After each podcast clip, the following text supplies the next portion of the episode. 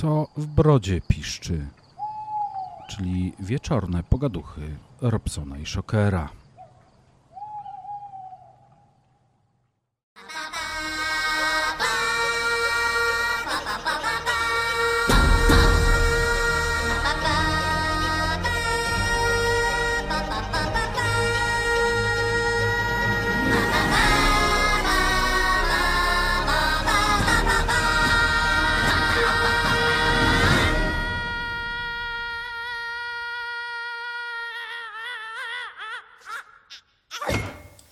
Witajcie, witajcie kochani na... O, powiem wam szczerze, że chyba już się pogubiłem.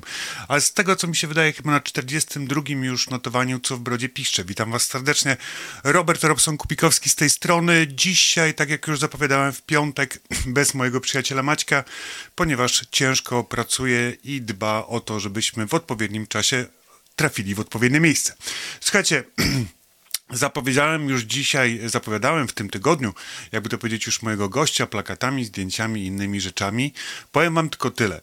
E, poznałem gościa w 2021 roku w Sulejowie na tak zwanym nieoficjalnym, można tak powiedzieć, pierwszym zlocie moderacji e, grupy Broda i Tatuaż. Do dnia dzisiejszego oczywiście e, mój gość w tej grupie jest, ja też w tej grupie jestem, dalej jesteśmy w moderacji, bawimy się dobrze tam i dzisiaj też mam nadzieję, że zabawimy Was, a ja bardzo, bardzo chciałem już od paru tygodni, e, jakby to powiedzieć, zbierałem się do tego, żeby mojego gościa zaprosić do programu, ale jakby to powiedzieć, no nie było sposobności, bo cały czas była jakaś tutaj kolejka wskakiwała, tutaj coś, tutaj nam coś wskakiwało, tu jakiś wyjazd, choroba i tak dalej. A, wiecie, życie, że tak powiem, nie? No ale wreszcie, wreszcie się udało i myślę, że e, mój gość też jest zachwycony, ponieważ udało mi się też pewnie go wyciągnąć z pracy, bo powiem wam tylko, zdradzę wam jedną rzecz. Mój przyjaciel i mój gość dzisiejszy jest chyba pracocholikiem, tylko że do tego się nie przyznaje, a może nam się przyzna, słuchajcie. E, witam was serdecznie, bo widzę, że już się meldujecie na naszym e, czacie, także witam was serdecznie, witam wszystkich grupowiczów grupy Brodaty Kolektyw Radiowy Miłośnicy i nie tylko. E, witam wszystkich słuchaczy, którzy je, już są w grupie, którzy, których jeszcze nie ma, którzy przyjdą do nas do grupy, między innymi też po to, żeby móc głosować na naszą brodatą listę przebojów. Także słuchajcie, ja jak zwykle się rozgadałem, ale ale zanim ja się bardziej rozgadam i bardziej poznacie mojego dzisiejszego gościa, to mały przerywnik muzyczny, polecimy lekko oldschoolowo, bo my, to znaczy ja i mój gość, chyba jesteśmy oldschoolowi.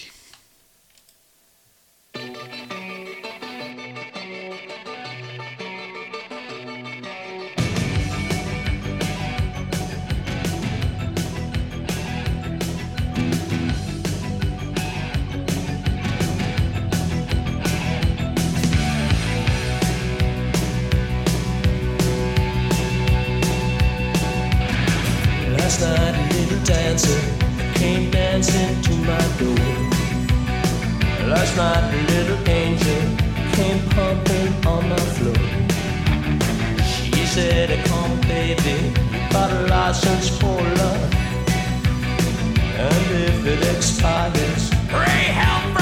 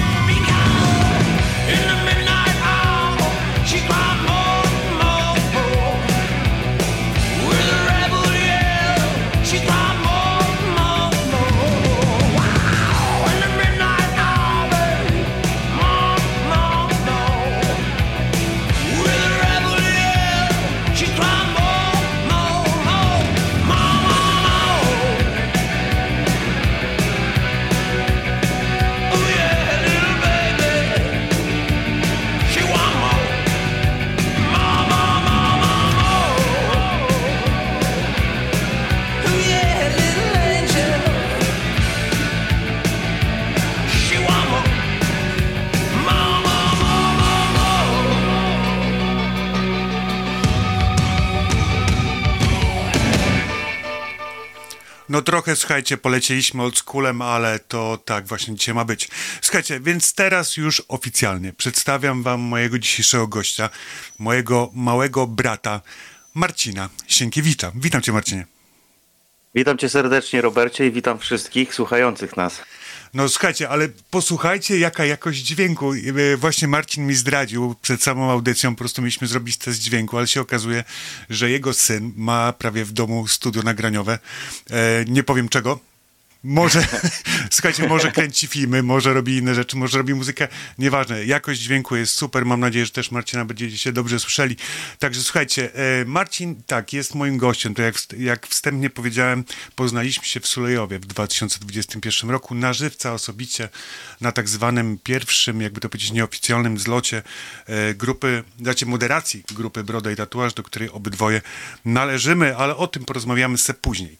Słuchajcie, Marcin jest mechanikiem. Jest mechanikiem, e, tylko pytanie, czy to jest, to jest pytanie dzisiejszego programu, mhm. e, zamiłowania, zawodu, myślę, że z jednego i z drugiego. I skąd to się wzięło w ogóle, Marcinie? No słuchaj Robercie, to jest chyba bardziej z zamiłowania, aczkolwiek przekształciłem to w zawód też, tak? Można powiedzieć, bo z zamiłowania mechanik motocyklowy, a z zawodu samochodowy. a skąd się wzięło? Słuchaj, no jak zaszczepione, jak chyba większość mechaników od taty. Okay. Siedzieliśmy razem w garażu i tak zwane podawanie klucza trzynastki, wiesz, i to później człowiek się zaraża od tego. Zaczynało się od najstarszych sprzętów, od prac przy swoich pojazdach rodzinnych i później tak się przekształciło, wiesz, przesiadywanie na kolanach, przesiadywanie w garażu razem z tato. Mhm. Aczkolwiek tatan też nie jest mechanikiem, ale od tego się zaczęło. I cała pasja. Motocykle, motocykle. Od najmniejszych lat te najstarsze, malutkie motocykle przekształciły się w duże motory, w jazdę, no i w dłubanie w garażu, można powiedzieć, tak? No i zawodowo. Zawodowo też pracuję od 15 lat już normalnie jako w warsztacie samochodowym, jako mechanik samochodowy.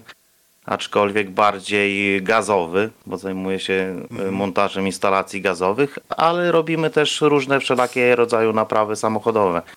Pracuję z ludźmi takimi, którzy są pasjonatami tego, co robią i bardzo dużo się nauczyłem od nich. Zwłaszcza mam jednego takiego kolegę w pracy starszego od siebie, y, ale jest z zamiłowania takim mechanikiem, że można się od niego wszystkiego nauczyć. Nie? I, a mnie akurat takie ciekawostki y, kręcą, można powiedzieć. No tak, bo teraz takie jest pytanie e, moje. E, Mhm. Ponieważ jeżeli, e, jest, znaczy inaczej, może to nie jest tyle pytanie, co jest takie stwierdzenie, bo jest takie nawet chyba powiedzenie, że jeżeli, że jeżeli e, twoja praca jest twoją pasją, to nigdy nie chodzisz do pracy. E, nie, dla mnie to jest odwrotnie, ja cały czas jestem w pracy. Okej. Znaczy, Bo można powiedzieć, że nieraz jak wychodzę z pracy, przychodzę do domu, wchodzę do garaży i nieraz nawet śpię w pracy. Znaczy chodzi o to, że jak się kładę spać, to dalej pracuję. E, poczekaj, nie zrozumiałem.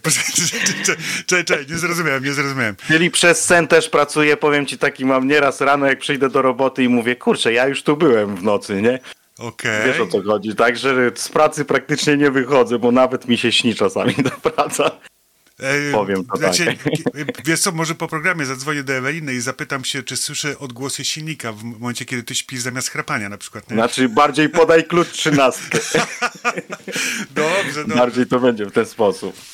Powie, Powiedz mi taką właśnie a propos właśnie motocykli, bo gdzieś tam może, może za jakiś czas uda nam się wreszcie uruchomić nasz taki projekt, e, który mieliśmy zrobić razem, ale mówię, no wiadomo, teraz się zaczął ten sezon. Powiedz mi teraz tak, jakie są, mm, jakby to nazwać ładnie, bo to jest do wszystkich słuchaczy, słuchajcie, to jest do was, bo to jest bardzo, będzie bardzo ważne pytanie i odpowiedź. E, jak bardzo denerwujące jest to, że ludzie chcą robić przegląd przedsezonowy już powiedzmy w trakcie trwania sezonu, że tak to No, nazwę. Powiem ci, nie mów mi tego normalnie, bo to jest tak, że zaczyna się sezon motocyklowy. Wiadomo, bo u nas jest sezonowa jazda motocyklowa, aczkolwiek są hardkorowcy. Podziwiam, bo sam takim byłem, bo mam aż ręce powykręcane od zimna. Ale powiem ci tak, przeważnie jest tak, pierwsze słońce, sezon się zaczyna i wszyscy na raz chcą przeserwisować motory, ponaprawiać je, a przede wszystkim pouruchamiać po zimie, bo połowa nie odpala, nie uruchamia się, więc jest problem, na gwałt jest milion telefonów. Proszę pomóż, proszę daj, proszę zrób, kurczę, a ty jak zwykle nie mam czasu. No, e, jesteś zapchany już z zimy z e, pojazdami, które się konstruuje, bo ja też trochę konstruuję tych pojazdów, przerabiam różnice rzeczy i przychodzą ludzie do mnie z problemami, których nikt nie chce już wziąć, a dla mnie jest to bardzo ciekawe, aczkolwiek nawet jak się nie uda, ale zawsze się czegoś można fajnego nauczyć i rozwiązać problem. Ale no, powiem do wszystkich, zacznijcie serwisować motocykle już w zimę. Niektórzy mechanicy, tak jak ja, mają swoje lawety, przy, przyjadą do was, odwiozą, dowiozą, zrobią wam sprzęt, przeserwisują, postawicie go w garażu, włożycie tylko akumulator i ruszycie na wiosnę na sezon. Powiem w ten sposób. Zacznijmy se, serwisować motory trochę wcześniej. Nie zaszkodzi mu, jak on postoi z tym olejem zmienionym miesiąc dłużej.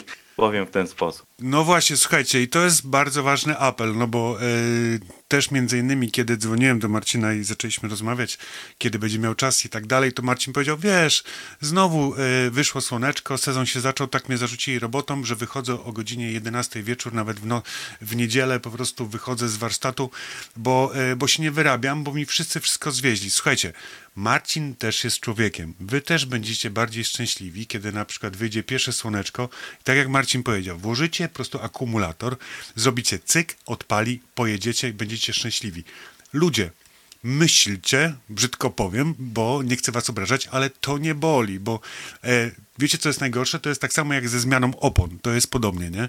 Że... Mm, tak. Że po prostu cały rok, e, oczywiście wiadomo, zmieni się opony, bo na przykład się, nie wiem, bo się zjeździło bieżnik, bo coś tam, bo kupiliśmy sobie nowe felusie i trzeba do nich założyć nowe oponki i tak dalej, i tak dalej, no to wiadomo. Ale słuchajcie, jak się zaczyna, jakby to powiedzieć, e, zima, zanim się zacznie jeszcze ta zima, zanim ta temperatura jeszcze spadnie poniżej 4 stopni na plusie i tak dalej, jak już widzicie, że się zaczyna robić tam powiedzmy 7-8 stopni, jedźcie. E, do e, zmienić na przykład oponki, bo później tylko narzekacie, Boże, stałem 4 godziny i czekałem aż mi zmienią opony. Tak, no bo takich jak ty, co stali 4 godziny, to jest 75% ludności. Ludzie, pomyślcie o tym, Jesteśmy w takim kraju, w którym nie jest tak jak lato na przykład, tak, że nie wiem, jesteśmy w Los Angeles, gdzie nie wiem, 90% roku jest słońce i nie trzeba tam pierdzić w oponki, wymienić oponek i tak dalej, tak dalej, no chyba, że się bieżniki zjadą, tylko po prostu y, jesteśmy w Europie, gdzie są jeszcze, jeszcze mamy cztery pory roku. I gdzie tak naprawdę co dwie pory roku trzeba zmienić oponki i napierdzieć w zimowe albo w letnie, więc warto jest pomyśleć, bo później taki chłopak nie ma życia, nie ma domu, żona y, wystawia go na wycieraczkę, dzieci nie pamiętają, kim jest ten pan, bo musi wam serwisować motorki i jeszcze musi wam wymieniać oponki, bo teraz też oczywiście zaczyna się, że wszyscy przyjeżdżają do Marcina, bo nagle trzeba zmienić oponki na letnie. Prawda? Prawda, nie? Tak, prawda, prawda. I nie tylko w samochodach, bo już zaczęły się oponki motocyklowe, bo można było o tym pomyśleć w zimę albo przed zimą na koniec sezonu, a teraz jak jest ciepło, każdy chce na nowej oponie pojeździć w motocyklu. Dokładnie. Słuchajcie, także pamiętajcie, y, miejcie też szacunek do waszych mechaników, bo nie zawsze mogą was przyjąć wtedy, kiedy będziecie chcieli. Jak rozdzielicie im pracę, to przyjmą każdego w odpowiednim momencie, w odpowiedniej porze. Dobra, słuchajcie, wracamy y, dalej. Powiedz mi taką rzecz. Jakie najczęstsze są, tak z ciekawości, bolączki e, u, u, gazowników przy gazowaniu samochodów? O czym ludzie zapominają? Albo e, jakieś takie e, najśmieszniejsze sytuacje, jakie, jakie spotkałeś w swoim życiu, jeżeli chodzi o, o pracę z zagazowaniem samochodu? Hmm. Nie wiem, co ci teraz tu powiedzieć, bo tu codziennie jest jakaś zagwozdka i codziennie jest, jest teraz milion samochodów, każdy jest z innym można tak prosto powiedzieć, że każdy zrozumiał. Każdy z innym zasilaniem silnika, teraz jest tyle tego na rynku. Mhm. No nie każdy wie, że nie każdy samochód da się po prostu zarzucić gazem, aczkolwiek dużo się da, bo nawet diesle gazujemy. Sam mhm. osobiście jeździłem takim pojazdem. A to wtedy, nawet... jest, to wtedy jest CNG? Tak z ciekawości? Nie, nie, nie, nie. to jest na zwykły, zwykły gaz, tylko to jest dotrysk do diesla y, gazu okay. w, do, do całości. Tam zamienia ci 2 litry, 3 litry ropy na 3 litry gazu, to wychodzą wtedy oszczędności. Aczkolwiek mało ludzi z tego korzysta, bo zamieniają e, oszczędność na moc, bo wzrasta moc troszeczkę mhm. przy dieslu, jeżeli jest zasilany dotryskiem gazu, więc dużo młodych ludzi po prostu wykorzystuje to, żeby e, dopędzić swoje samochody, można tak powiedzieć, nie? Okay. A dużo ciężarówek jeździ na gazie dieslowskich, a teraz jest dużo pojazdów takich y, mocno wymyślonych przez koncerny samochodowe. Mhm. Mm, aczkolwiek firmy gazowe prześcigają się w wszelakiego rodzaju instalacjach gazowych. No i powoli tyle, że teraz na bieżąco, kiedyś to y, szło się po łebkach, wszystkie samochody były tak samo zasilane, można tak powiedzieć. No nie na tak, no, wtryskiem, monowtryskiem, tam gaźnikowe były, jednopunktowe wtryski, to to tam proste roboty. Aczkolwiek teraz są już e, dużo inne zasilenia, e, trzeba do każdego samochodu dobierać te instalacje, ustawienia, no jest przy tym kupa roboty, mhm. można powiedzieć i każdy samochód jest inny teraz już, każdy samochód jest inny. Kiedyś wszystkie samochody można było powiedzieć, że były takie same, różniły się niewielką liczbą rzeczy, Teraz każdy pojazd jest po prostu inny. inny. Do każdego pojazdu trzeba inaczej montować. Aczkolwiek powiem jeszcze jedną rzecz. Do każdego klienta trzeba teraz podchodzić inaczej. Indywidualnie. Każdy klient, tak, każdy tak. klient jest indywidualny i ma inne potrzeby. Yy, inaczej chce, żeby było to zrobione. Jeden chce, żeby było to ładnie, pięknie, po prostu. Drugi chce, żeby było Y, na wierzchu i żeby był dobry dostęp do tego, ewentualne naprawy. Trzeci chce, żeby tego nie było wcale widać, bo się wstydzi, można tak powiedzieć. Tak nazywamy nasze korki pod wlewami gazu. Aha. Tam, gdzie y, paliwo, to są korki wstydu po prostu. Jak nie chcesz, żeby ci znajomi widzieli, że jeździsz na gazie, to trzeba montować pod korek. Uwierzcie mi, że to jest zła robota dla mechanika. Ale cię, no, podej no podejrzewam, bo wcisnąć tam jeszcze jedną rurę, nie? Dodatkowo do tego korek i tak no dalej, no jest. to jest to problem.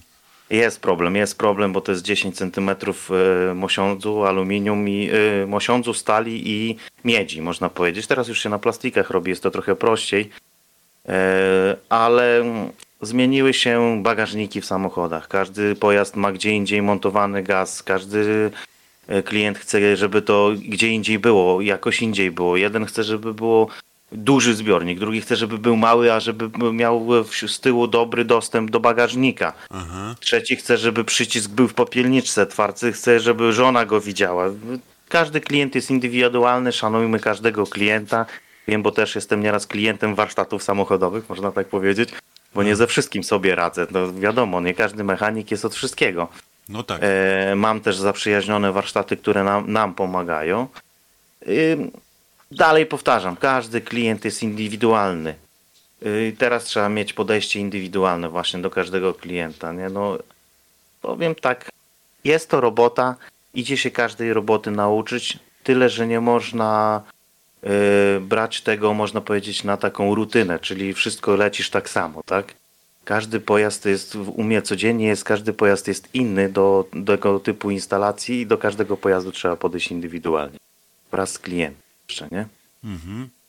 A cię nie, wiesz No. co, e, interesuje mnie, jakby to powiedzieć, wiesz, No. e, a, propos, e, a propos gazu, no bo ja pamiętam, Tak. jak kiedyś kupowałem sam mm, samochody benzynowe i tak dalej, gdzieś tam kupowałem partnery, no bo to były najlepsze samochody do pracy, to były tam początek lat, lata 2000, 2005, e, kupowałem dwa partnery i się okazało, że tutaj się szybciutko rozbujałem, coś tam, coś tam, cyk, cyk, cyk, fajny silnik, chwalony, tutaj pitu, pitu i tak dalej, zainstalujesz do tego sobie, wrzucisz gaz, masz duży bagażnik, jeszcze możesz zainstalować butlę pod, y, pod partnerem, że tak powiem, bo on miał też koło zapasowe, miał podczepiane Pod pod samochód, dokładnie.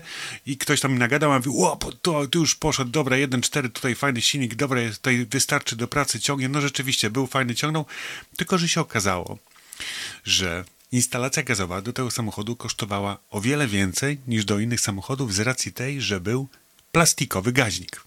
Nie gaźnik, tylko y, Kolektor. kolektor, dokładnie. Tak, plastikowy kolektor, bo to było, Robercie, powiem Ci, rozwiązanie tego typu, że kiedyś w latach właśnie tych początkowych tam to były instalacje tak zwane, my je nazywamy zwykłe. Czyli to było kawałek rury, miksera, y, reduktora i wsadzane było to w rurę dolotową i przy plastikowych, wejściu plastikowych kolektorów w samochodach po prostu mm, problemem było przebicie wysokiego napięcia. Czyli ja na przewodach, na świecach ludzie rzadko kiedy dbają o takie rzeczy. No są ludzie, którzy dbają, ale są w większości ludzie, którzy zapominają o tym. W plastikowych kolektorach przy tego typu instalacjach zbierał się gaz, yy, po prostu zostawał w kolektorze. I w momencie przeskoczenia tej iskry bokiem, nie w środku w silniku na tłoku, powstawały wystrzały niekontrolowane. Te kon- niekontrolowane wystrzały powodowały rozerwanie tych plastikowych kolektorów. Stalowe czy aluminiowe kolektory pozwalały wytrzymać e, temu wystrzałowi, a plastikowe klejone kolektory się rozrywały. I tu była podstawowy, był podstawowy problem właśnie tych, tego typu samochodów i gazowników, nie? że tak można powiedzieć brzydko o nas, że gazownikami jesteśmy że e, ludzie mm, z niedbałości ludzi powstawały właśnie takie rzeczy, że rozrywały te kolektory, a później instal były instalacje sekwencyjne montowane i one właśnie na początku wejścia tych instalacji były bardzo drogie. Czyli w momencie przejścia ze zwykłych instalacji na sekwencyjne różnica w cenie była nawet 100%. Nie? I dlatego tak jak mówisz, że e, przy twoim aucie gaz kosztował dwa razy tyle niż do normalnego samochodu z lat tamtych. Początek 90., koniec 2000, początek 2000 to już zaczynały się plastikowe kolektory, chociaż już one były dużo, dużo wcześniej, ale jeszcze produkowane były samochody z aluminiowymi czy stalowymi kolektorami. Więc tu był podstawowy problem do twojego auta Okej. z tym gazem. No. A I powiedz tu mi, właśnie, no. no, a powiedz mi taką rzecz. A ile jest, jakby to powiedzieć, że tak powiem, e, prawdy w tym, że instalacja gazowa niszczy silnik? No No właśnie, bo, bo powiem Ciężkie. szczerze, to jest, to jest właśnie ciężki jest temat, ponieważ to jest temat, który jest wałkowany x lat właśnie od początku, kiedy, nie wiem, gdzieś tam w 2000, w 2000 roku kupowałem tego partnera i tak dalej, to już wtedy słyszałem, że najpierw kupiłem samochód i tak dalej, a później każdy za mną chodził, nie, nie instaluj gazu, będzie ci się rozszczelniał silnik, tutaj ten, będziesz miał większe problemy, tutaj szybciej ci silnik padnie, umrze, e, nie wiem, i tak dalej, gdzieś na trasie ci coś się stanie, tam wybuchnie i tak dalej. Ile w tym po prostu można powiedzieć, że jest. No wiadomo, że kiedyś były inne instalacje i nawet są teraz inne instalacje. I czy na przykład teraz kiedyś, e, tak jak powiedzmy, chodziły te takie słuchy i tam gadki, szmatki, które niektórzy mówią, że były, jakby to powiedzieć, e, przez domorosłych mechaników e, wymyślane i puszczane w obieg, żeby tylko ludzie nie kupowali po prostu instalacji gazowych, żeby tylko robili u nich te silniki, naprawiali te samochody, serwisowali. Ile jest, jakby to powiedzieć, w tym prawdy i e, jaka jest właśnie, jakby to powiedzieć, poprawa instalacji e, technologicznie między tym, co było powiedzmy, no powiedz to jak jesteś w, w tym zawodzie 15 lat. 15 lat temu i teraz. Znaczy, słuchaj, podstawowym problemem to jest to, znaczy, powiem tak, zacznę może od słów mojego szefa, który zawsze powtarzał, on już 28 lat montuje instalacje gazowe, już prawie pod 30. Powiem ci jego słowa, które on zawsze wypowiada na tego typu pytania. Instalacja gazowa nie niszczy silnika, jak jest dobrze wyregulowana i dobrze ustawiona i dobrze serwisowana, czyli to jest podstawowa rzecz, o której ludzie zapominają. A Tak. po co mam wymienić filtry? Ale Tak. panowie i panie, przy tych filtrach robimy regulację instalacji gazowej, czyli ustawiamy jej mapy, ustawiamy jej spalania, ustawiamy jej e, wszystkie, e, kontrolujemy, znaczy się wszystkie spalania, sprawdzamy jakie są e, mieszanki, więc e, jak nie serwisujemy auta, nie sprawdzamy tego. I dalej jeździmy na jednych e, ustawieniach i wtedy powodowane są niszczenia silnika, wiesz, no? i nikt nie ma, no nikt nie, nie wie tego, że tak samo jak wymieniamy olej w autach, też aczkolwiek znam takich ludzi, którzy mówią po co wymieniać olej, to, to jest i tak dalej smarowane, ale e, jak wymieniamy olej, wymieniamy filtr oleju, prawda? Więc Mhm. jak wymieniamy filtr, filtry gazowe, wtedy po- każdy gazownik powinien skontrolować ustawiona, ustawienia. No Nie tak. róbmy tego tam, e, jeżeli mamy jakiekolwiek doświadczenie, możemy to zrobić sami w domu, ale bez odpowiedniego sprzętu i, i wiedzy nie jesteśmy w stanie tego sami zrobić, prawda? Bo przy sta- starszych em, instalacjach każdy mówił, a co to jest wymienić filterek, trochę psiuknie gazem, e, damy radę, tutaj uszczeleczka, kupię sobie taką, ale zaraz halo, halo. Nie każdy e, w domu ma analizator spalin, który Dokładnie. trzeba co roku oddawać diagnostyce, co roku musi być kontrolowane przez instytuty i wtedy takim, e, e, można powiedzieć, urządzeniem możemy skontrolować dawki spalin, mieszanki, składy mieszanek, wszystko. I przy każdym serwisie w starych instalacjach powinno się tak robić. I wtedy doregulowywałeś gaz do odpowiednich norm, które były wtedy dopuszczalne, bo teraz już jest, można powiedzieć, wszystko sterowane komputerami, czyli wpinamy kabelek, siadamy za monitor i dawkujemy wszystko dawkujemy wszystko y, na komputerze, czyli komputerowi do sterownika wrzucamy odpowiednie dane, mapy, różne tam ustawienia i teraz można to tak regulować. A przy starszych instalacjach był analizator spalin. Podstawową rzeczą, czyli y, robiliśmy analizę spalin przy każdym y, serwisie i ustawiało się takiej osobie konkretne ustawienia i wtedy samochody chodziły i nie niszczyły silników. Ale ludzie w tym, tych czasach zapominali o tym. Tak. Powiem Ci, jak jest w dzisiejszych czasach, przy nowych instalacjach. Muszą być montowane przypomnienia, czyli tak zwane, my nazywamy to e, brzęczyki, nie? Mhm. Co jakiś tam ilość kilometrów, przypuśćmy 10 do 12-15 tysięcy, brzęczyk przypomina upierdliwie, można tak powiedzieć, właścicielowi samochodu, że musi przyjechać do serwisu gazowego, zrobić serwis gazowy. Wtedy no już jest zmuszony, bo powiem ci, ten brzęczyk jest irytujący przy każdym odpalaniu i przy gaszeniu samochodu, więc zmusza takiego mm, człowieka, żeby przyjechał i w końcu zrobił ten serwis, nie? Ale miałem takich ludzi, którzy zajeżdżali brzęczki, powiem. No właśnie chciałem cię zapytać, czy miałeś takich klientów, bo... bo Mam raz w tygodniu mam człowieka, który przyjeżdża, panie, brzęczyk nie działa, ja wchodzę na serwis, a tam jest 700 godzin po serwisie i brzęczyk już po prostu ozor wywiesił na wierzch, nie? A cię, właśnie, właśnie to było moje następne pytanie. Ilu jest, e, jakby to powiedzieć, właśnie takich, którzy przejeżdżają brzęczyk, to jest po pierwsze, a po drugie, e, ile ilu jest, że tak to nieładnie nazwę, e, YouTube'owych mechaników wiedzących lepiej E, w tygodniu. Ja już się Ro- nie zapytam Robert, przez 15 powiem lat, ci ile- tak. E, To jest co drugi człowiek, który przyjeżdża do mnie na warsztat. No właśnie. Panie, bo ja wyczytałem w internecie. Tak. I tylko wpada w drzwi. Panie, bo ja czytałem na grupie. Panie, bo ja czytałem na fejsie. Panie, bo ja jestem w takiej grupie i tu to i to trzeba zrobić. I jeszcze jest samochód nie na warsztacie, jeszcze jest nie zanalizowany, a już pan, który przyjeżdża, czy pani, no bo to są różni klienci, e, przyjeżdża i mówi ci, co jest zepsute i dlaczego tu przyjechał i po co przyjechał. A, a później się okazuje, że to jest w ogóle inna sprawa, błahostka, nieraz jest dobra, duża, ciężka sprawa do zrobienia. E, Aczkolwiek przeważnie to są błahostki, bo to mm, ze względu na to, że instalacje gazowe dobrze zrobione i dobrze e, położone psują się tylko z błędu człowieka, czyli albo właściciela pojazdu, który olewa e, Przeglądy. przeglądy, serwisy, czy tam ewentualne naprawy, czy nawet jak się coś dzieje No. w samochodzie, a to jeszcze dojadę tysiąc kilometrów. Nie. Tak. nie, nie, nie, nie. Bo są takie rzeczy, które mm, w instalacjach gazowych, które potrafią zepsuć silnik, czyli tryskiwacze gazowe na dzisiejsze instalacje.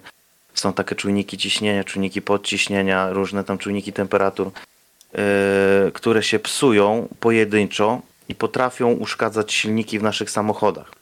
Więc dlatego, tak jak poprzedza, poprzednie pytanie zadałeś, można zepsuć silnik w samochodzie przez instalację gazową, ale to jest zazwyczaj, yy, słowa mówię mojego szefa, z niedbalstwa ludzi. Bo instalacje gazowe, gazowe dobrze założone, dobrze wyregulowane i dobrze serwisowane rzadko kiedy, w 99,9% nie psują z silników samochodowych. To ludzie psują silniki samochodowe. Nie, niedbalstwem po prostu i zaniedbaniem. Znaczy, to jest tak samo, znaczy, to jest inaczej. Ja, ja pracowałem też, powiedzmy, że w e, branży częściowo mechanicznej, bo w ogóle notabene to jestem po samochodówce, nie? Jakbyś chciał wiedzieć. No, więc e, jestem po samochodówce. Widzisz, e, przerwę ci ty, to odwrotność mnie, bo ja mam trzy zawody i w żadnym nie pracuję, pracuję w swoim ukochanym zawodzie, czyli jestem mechanikiem. No okej, nie, nie, no, no wiesz, ja po, szkole, ja po szkole jestem mechanikiem samochodowym. Dokładnie, e, dokładnie eksploata- naprawa i eksploatacja pojazdów samochodowych, tak się nazywa mój zawód. Następnie skończyłem technikum wieczorowe, czyli technik, e, mechanik samochodowy e, i tak dalej, i tak dalej. I później zawiesiłem działalność, że tak powiem, uczelnianą na długi, długi czas. E, nigdy nie pracowałem w zawodzie. Nigdy, naprawdę nigdy, przenigdy nie pracowałem w zawodzie, chociaż skończyłem 6 lat szkoły, ni- e, dwóch szkół razem, to więc nigdy nie pracowałem w zawodzie, nigdy nie nawet nigdy nie pomyślałem o tym, żeby pójść do warsztatu samochodowego i się zatrudnić. Jedyne, kie- jedyne sytuacje, kiedy pracowałem jako mechanik samochodowy, to było dokładnie na warsztatach w samochodówce. Czyli powiedzmy przez te trzy lata tam, nie wiem, e, w pierwszej klasie chyba było e, dwa razy w tygodniu, w drugiej klasie też i w trzeciej klasie chyba było trzy razy w tygodniu i dwa, dwa dni by to była szkoła. No więc wtedy tam rzeczywiście pracowałem i na przeglądach, i na przeglądach, właśnie też na instalacjach e, nie gazowych, tylko na instalacjach spalinowych, czyli regulacja gaźników i tak dalej, tak dalej, takie rzeczy. Rzeczywiście to robiłem, ale to był jedyny, jedyny czas. Że tak powiem, czyli ja nigdy y, w zawodzie nie pracowałem, ale jakby to powiedzieć, prowadziłem działalność dokładnie naprawy sprzętów biurowych. I No. z naprawą sprzętów biurowych, którą robiłem przez od 94 roku, można powiedzieć, do 2000, prawie 14 roku, czyli prawie tam powiedzmy 20 lat, e, naprawiając kserokopiarki, drukarki, faksy e, i w 95% nigdy winą usterki w maszynie nie była maszyna. Tylko No, był tak zwany czynnik ludzki. no, Tak jest chyba, powiem ci tak szczerze, e, i, i w mechanice jest to samo. Chyba Tak. czynnik ludzki jest w 99,9% przyczyną e, usterek samochodowych. No nie no, jeszcze jest eksploatacja pojazdów, prawda, można powiedzieć. Tak, ale, Ale eksploatacją do- też człowiek zajeździ, nieodpowiednią Tak, eks- człowiek, można powiedzieć, że człowiek zarządza eksploatacją samochodu, czyli bo my, powiem Ci tak, w, e, w naszym warsztacie mamy osobiście pracownika e, i człowieka, którego szanuję bardzo mocno, dużo się od niego nauczyłem i uczy mnie do tej pory, bo traktuje mnie jak swojego syna, którego nie ma po prostu. E, przelewa na mnie wiedzę. Słuchaj, on zrobił pół miliona. Pół miliona samochodem e, na instalacji gazowej i powiem Ci tak, ten samochód nie jeździł na benzynie. Bo to był, bo to był pojazd jeszcze gaźnikowy, w którym po prostu benzyna zamiera. Jak jeździsz na gazie cały czas i tankujesz ten gaz, że ci go nie zabraknie, tam zamiera benzyna. Po prostu uszkadzają się pompki, Mhm. zasychają, takie inne rzeczy. I ten człowiek zrobił pół miliona tym autem na instalacji gazowej, na jednym silniku, bez podstawowych tam, nie wiem, no nie podstawowych, dużych remontów typu głowice, pierścienie, tam rozbieranie dołów, gór silnika, e, tylko te eksploatacyjne rzeczy typu oleje, y, filtry, no tam paski, regulacje, rozrządy, inne rzeczy. Jest zrobione pół miliona na tym samochodzie i ja osobiście y, miałem przyjemność jeździć tym autem, starszym autem i jeździ normalnie. Tam nie było remontów silnika za mojej kadencji nigdy, dopóki było jeżdżone. Czy- I uwierz mi, ja mam, No. ja mam w rodzinie ym, raz, dwa, trzy, cztery, pięć aut, które jeżdżą. na- ym, Pięć, pięć aut, czy cztery, przepraszam, statowym, pięć może. E, aut, które jeżdżą na gazie. I to, co ja widzę, jak ludzie do mnie przyjeżdżają na te serwisy i na te naprawy z jakimi tam rzeczami, to ja w swoich autach się jeszcze z tym nie spotkałem. Wiem, że ja jestem z drugiej strony, jestem, pracuję w warsztacie, który może, mogę sobie wziąć ten auto do domu, do roboty i naprawić je w ciągu pięciu minut, tak? Mhm. Ale uwierzcie mi, że i uwierz mi, że ja nie mam problemu ze swoimi samochodami z gazem. Ja Okej. mam i 4-litrowe auto, mam i 1.6 auto, mam i 1.8 auto na gazie, i 1, 2, 3 cylindry. I ja nie mam problemów, że ja jeżdżę na gazie 5 lat.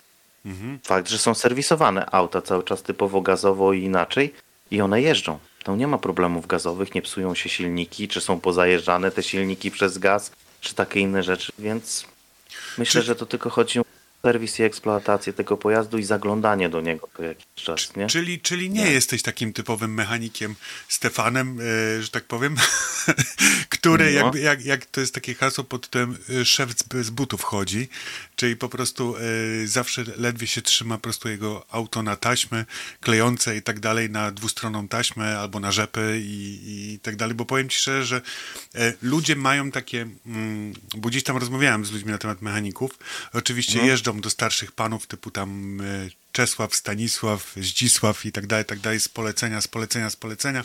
Wchodzisz do warsztatu, e, patrzysz na ścianę, więc ściany są czarne, ale to są czarne od smoły i od wszystkiego i tam od spalin i tak dalej, tak dalej, tak dalej. E, I to są ludzie, którzy najczęściej, jakby to powiedzieć, właśnie jeżdżą samochodami swoimi, które są zlepione z 10 samochodów innych na taśmę obustronną, taśmę jednostronną czarnego skocza i w ogóle inne rzeczy, nie? Czyli Marcin, taki nie jesteś. E, widziałeś Jimmy'ka? Widziałem, widziałem. No to, ter- no, to, no, to widział, no to widziałeś samochód.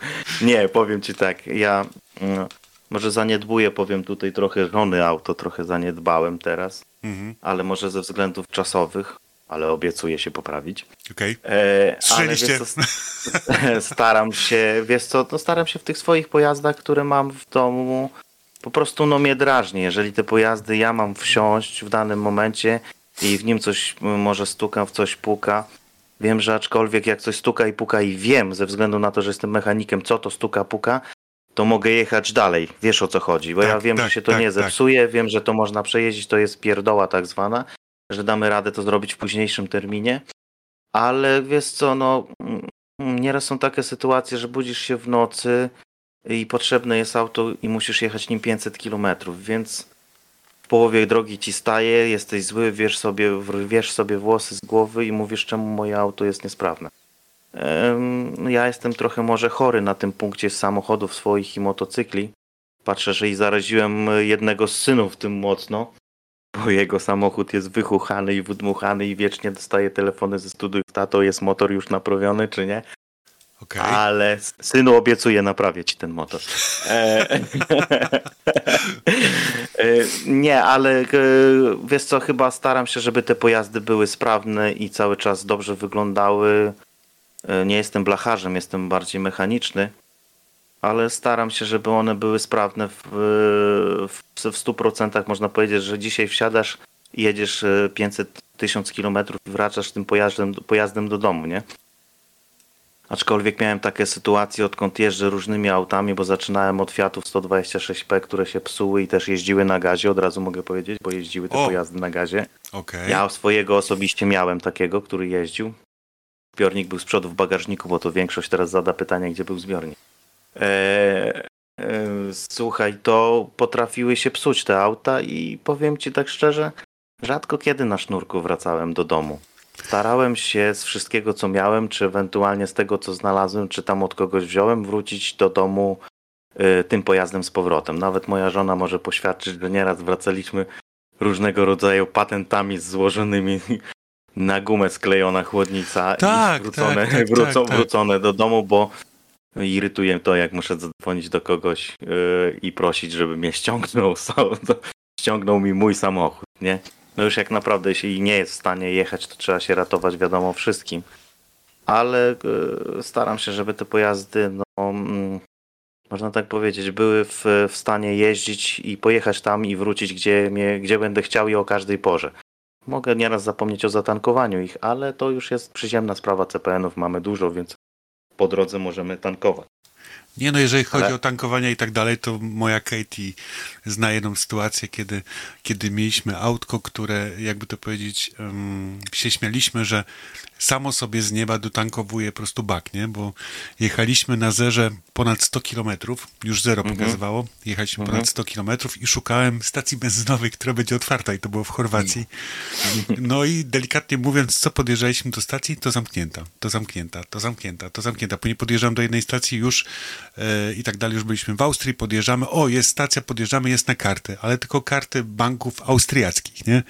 No. No, więc e, ona już się żegnała lewą nogą, już widziała, jak będzie pchała naszego kombiacza po prostu do, e, na, na jakąś tam stację benzynową i tak dalej i w pewnym momencie po prostu podjechaliśmy na stację, zatankowaliśmy. No i się okazało, że wlaliśmy tyle, co było w baku, bo to była Audina A4. Wlaliśmy tam e, 60 litrów razem z gwizdkiem, więc zastanawialiśmy się, w jaki sposób na baku zrobiliśmy 1230 kilometrów. Do No dnia- właśnie, Do dnia dzisiejszego nie wiem. nie wiem. samo, się, samo się paliwo dolewało, nie? Tak, ale samo to się jest zalewało, dokładnie. Nie? No, ale w jednym momencie to jest szczęście, nie? Że Tak, jednak e, tak. nie wiemy, ile tego paliwa jest e, wlane w Dokładnie, dokładnie, bo- Że te wskaźniki nie działają do końca tak, jak powinny działać, nie? Tak, a tutaj e, droga młodzieży, jeżeli nas słuchacie dzisiaj e, audycji, zanim zrobimy krótką przerwę. E, Fiat 126P to było takie, e, był tak samochód jednoosob, e, to był tak samochód, czekaj, to był taki fajny skrót 126P. E, jednoosobowy, dwudrzwiowy, sześć razy przepłacony, tak? Dobrze pamiętam? Tak, tak, tak, tak, tak. Tak, ale na tak, przykład- sześć razy piwo. No, ale słuchajcie, ale na przykład była taka sytuacja, że na przykład do Malucha potrafiło wsiąść 5 do 6 osób, się przejechać. Poli... Wtedy milicja, czy tam, no nie, już były początki policji, były jeszcze. Policji Tak, początki, no. już były po, początki policji i tak dalej, no wtedy była sytuacja taka, że nie patrzyli tak na to, ile osób jedzie w maluchu, ale na przykład my potrafiliśmy, ja mojego e, wzrostu, na przykład 1,95 m czy tam 1,97 m, razem z trzema moimi kolegami, którzy byli identycznego wzrostu, pakowaliśmy się na przykład do malucha i jechaliśmy ze Szczecina do Katowic na koncert na przykład. nie? No, no tak, no. tak. To były sytuacje, że tam wchodziło. Ja pamiętam, tato mój miał maluchy, to jeździliśmy po 6-7 osób w tym samochodzie. Ja fakt, że dzieci jeździły u dorosłych na kolanach, Tak, ale tak się jeździło. Pakowne samochody. Sam osobiście miałem e, dwa Fiaty 126P. Tak, Okej. dwa. Teraz mam trzeciego, bo mam nowego Fiata Eleganta, stoi w garażu na kołeczkach, schowany na lepsze czasy. E, jak nowego. Powiem, no, mam Fiata 126P Eleganta, ostatnie No. wydanie, 90, znaczy no nie ostatnie wydanie, 97 rok, 47 tysięcy ma przejechane, jestem jego drugim właścicielem i słuchajcie, faktycznie nie kłamę, odkupiłem od dziadka. I jest jak nówka. Jeszcze powiem ci tak, ma zafoliowane progi jeszcze. Nie. Tak, tak, tak, tak. Od O mojej ja. małżonki, mojej małżonki dziadek e, świętej pamięci, jak umierał, to dostałem po prostu w prezencie ten samochód. Od niego, nie wiem czym sobie zasłużyłem, Mhm. ale chyba stwierdził, że po prostu u mnie będzie miał dobre życie i dożywotnie. No ma, siedzi w ciepłym, suchym garażu na dywanie, na dywanie, na dywanie stoi. Raz na jakiś czas przejedziemy. E, dobre auto, mam sentyment do niego, bo zaczynałem po prostu takimi pojazdami jeździć. Objeździliśmy z żoną i z synem wtedy starszym, bo jeszcze młodszego nie było. Objeździliśmy dużo po Polsce. A słuchajcie, to były super auta. Ja, ja pamiętam, Były. to, to było auto, w którym ja na przykład, bo jeszcze miałem rozrusznik przy siedzeniu, nie Tak. ten w, Zwany rwany na, na, rwany na sznurek. Tak, rywany na sznurek i na przykład akcja była taka standardowa, że co jakiś czas te, że tak, że tak zwany sznurek pękał, no i trzeba było odpalić samochód, więc się na przykład na tylnym siedzeniu woziło się kij od szczotki od miotły, nie? Tak, tak, No. tak. Albo się od, miotłę do odśnieżania woziło, żeby odpalać po prostu Dokładnie, dokładnie, dokładnie. I słuchajcie, i się jeździło perfekcyjnie. Ja na przykład przy moim wzroście miałem tak malucha przerabionego, że miałem wyciągniętą tylnią kanapę, miałem, jakby to powiedzieć, wspawane progi, e, e, wydłużone, jakby to powiedzieć, listwy od siedzeń. Mhm. Siedzenia były u nas, jakby to powiedzieć, był stadion kiedyś Pogoni Szczecin, taki e, stary, tam kiedyś była gie- giełda samochodowa i była taka firma, która przerabiała te zwykłe fotele, dawało im się stare fotele, a oni dawali ci już przerobione lotnicze, takie Tak, zagłówkami. takie kubełkowe tak, Tak, kubełkowe, dokładnie. I ja miałem takie dwa kubełkowe, z tyłu zamiast siedzenia było, była ten, y, była ym, miejsce takie, jakby to powiedzieć, taka skrzyneczka była na zakupy, także to był maluch dwuosobowy z miejscem na zakupy, ale dlaczego? Ponieważ przy moim wzroście maluch był tak mały, że jak ja odsuwałem fotel na maksa, to później musiałem sobie przedłużać to. Odsuwałem go bardziej na maksa, żeby było wygodnie. Tak spatrzałem się w lewo, to nie widziałem okienka, Słupek. tylko widziałem, e, tylko widziałem słupek od drzwi. więc, więc, że tak powiem, tak to wyglądało. Ale powiem wam szczerze, jedno z lepszych aut, jakie w ogóle miałem, nie? Jedno z lepszych, Jo. nie? Rewelacja. My, powiem ci szczerze, ja też jedno z lepszych aut, które miałem i zaczynaliśmy po prostu karierę samochodami na tych pojazdach. No i taki sentyment został. Rodzinnie żeśmy jeździli, ja pamiętam, że to bardzo rodzinne auta, bo pakowaliśmy się do tego pojazdu na dach, na tylnie siedzenie. Ty na starszego pamiętam, to tylko głowę było widać tym, na tym foteliczku małym jakimś tam, bo jeszcze zacząłem, pierwsze foteliki były w tył wsadzane, jakieś te plastikowe, takie zwykłe. Tak, tak, były, no. E, I moim samolotem, bo to każdy gadał, że u mnie maluch to samolot był, bo on był mocno poprzerabiany, więcej części od BM działy jak od malucha. Okej. E, Ze śmigłami, wiesz jak to się kiedyś w latach Tak. 90. kurde robiło. Przerobiało te samochody, kapcie szerokie, Bóg wie od czego, felgi przespawywało, Tak. jakieś ko koła się odciążało, bo co, no, o Jezu, cudawianki się robiło, silniczki się przerabiało, no Aczkolwiek mało to pomagało maluchowi do prędkości, do trzymania się jazdy, ale fisianckie były zawsze te samochody, można powiedzieć. Dokładnie. Tak, tak. Słuchajcie, Fiat 126P. Słuchajcie, mała przerwa e, muzyczna. Ja pójdę po coś do picia, bo już troszeczkę w gardełku zaschło. Słyszę, że Marcinowi chyba też. Także mała przerwa muzyczna i wracamy do Was za 5 minut i 43 sekundy.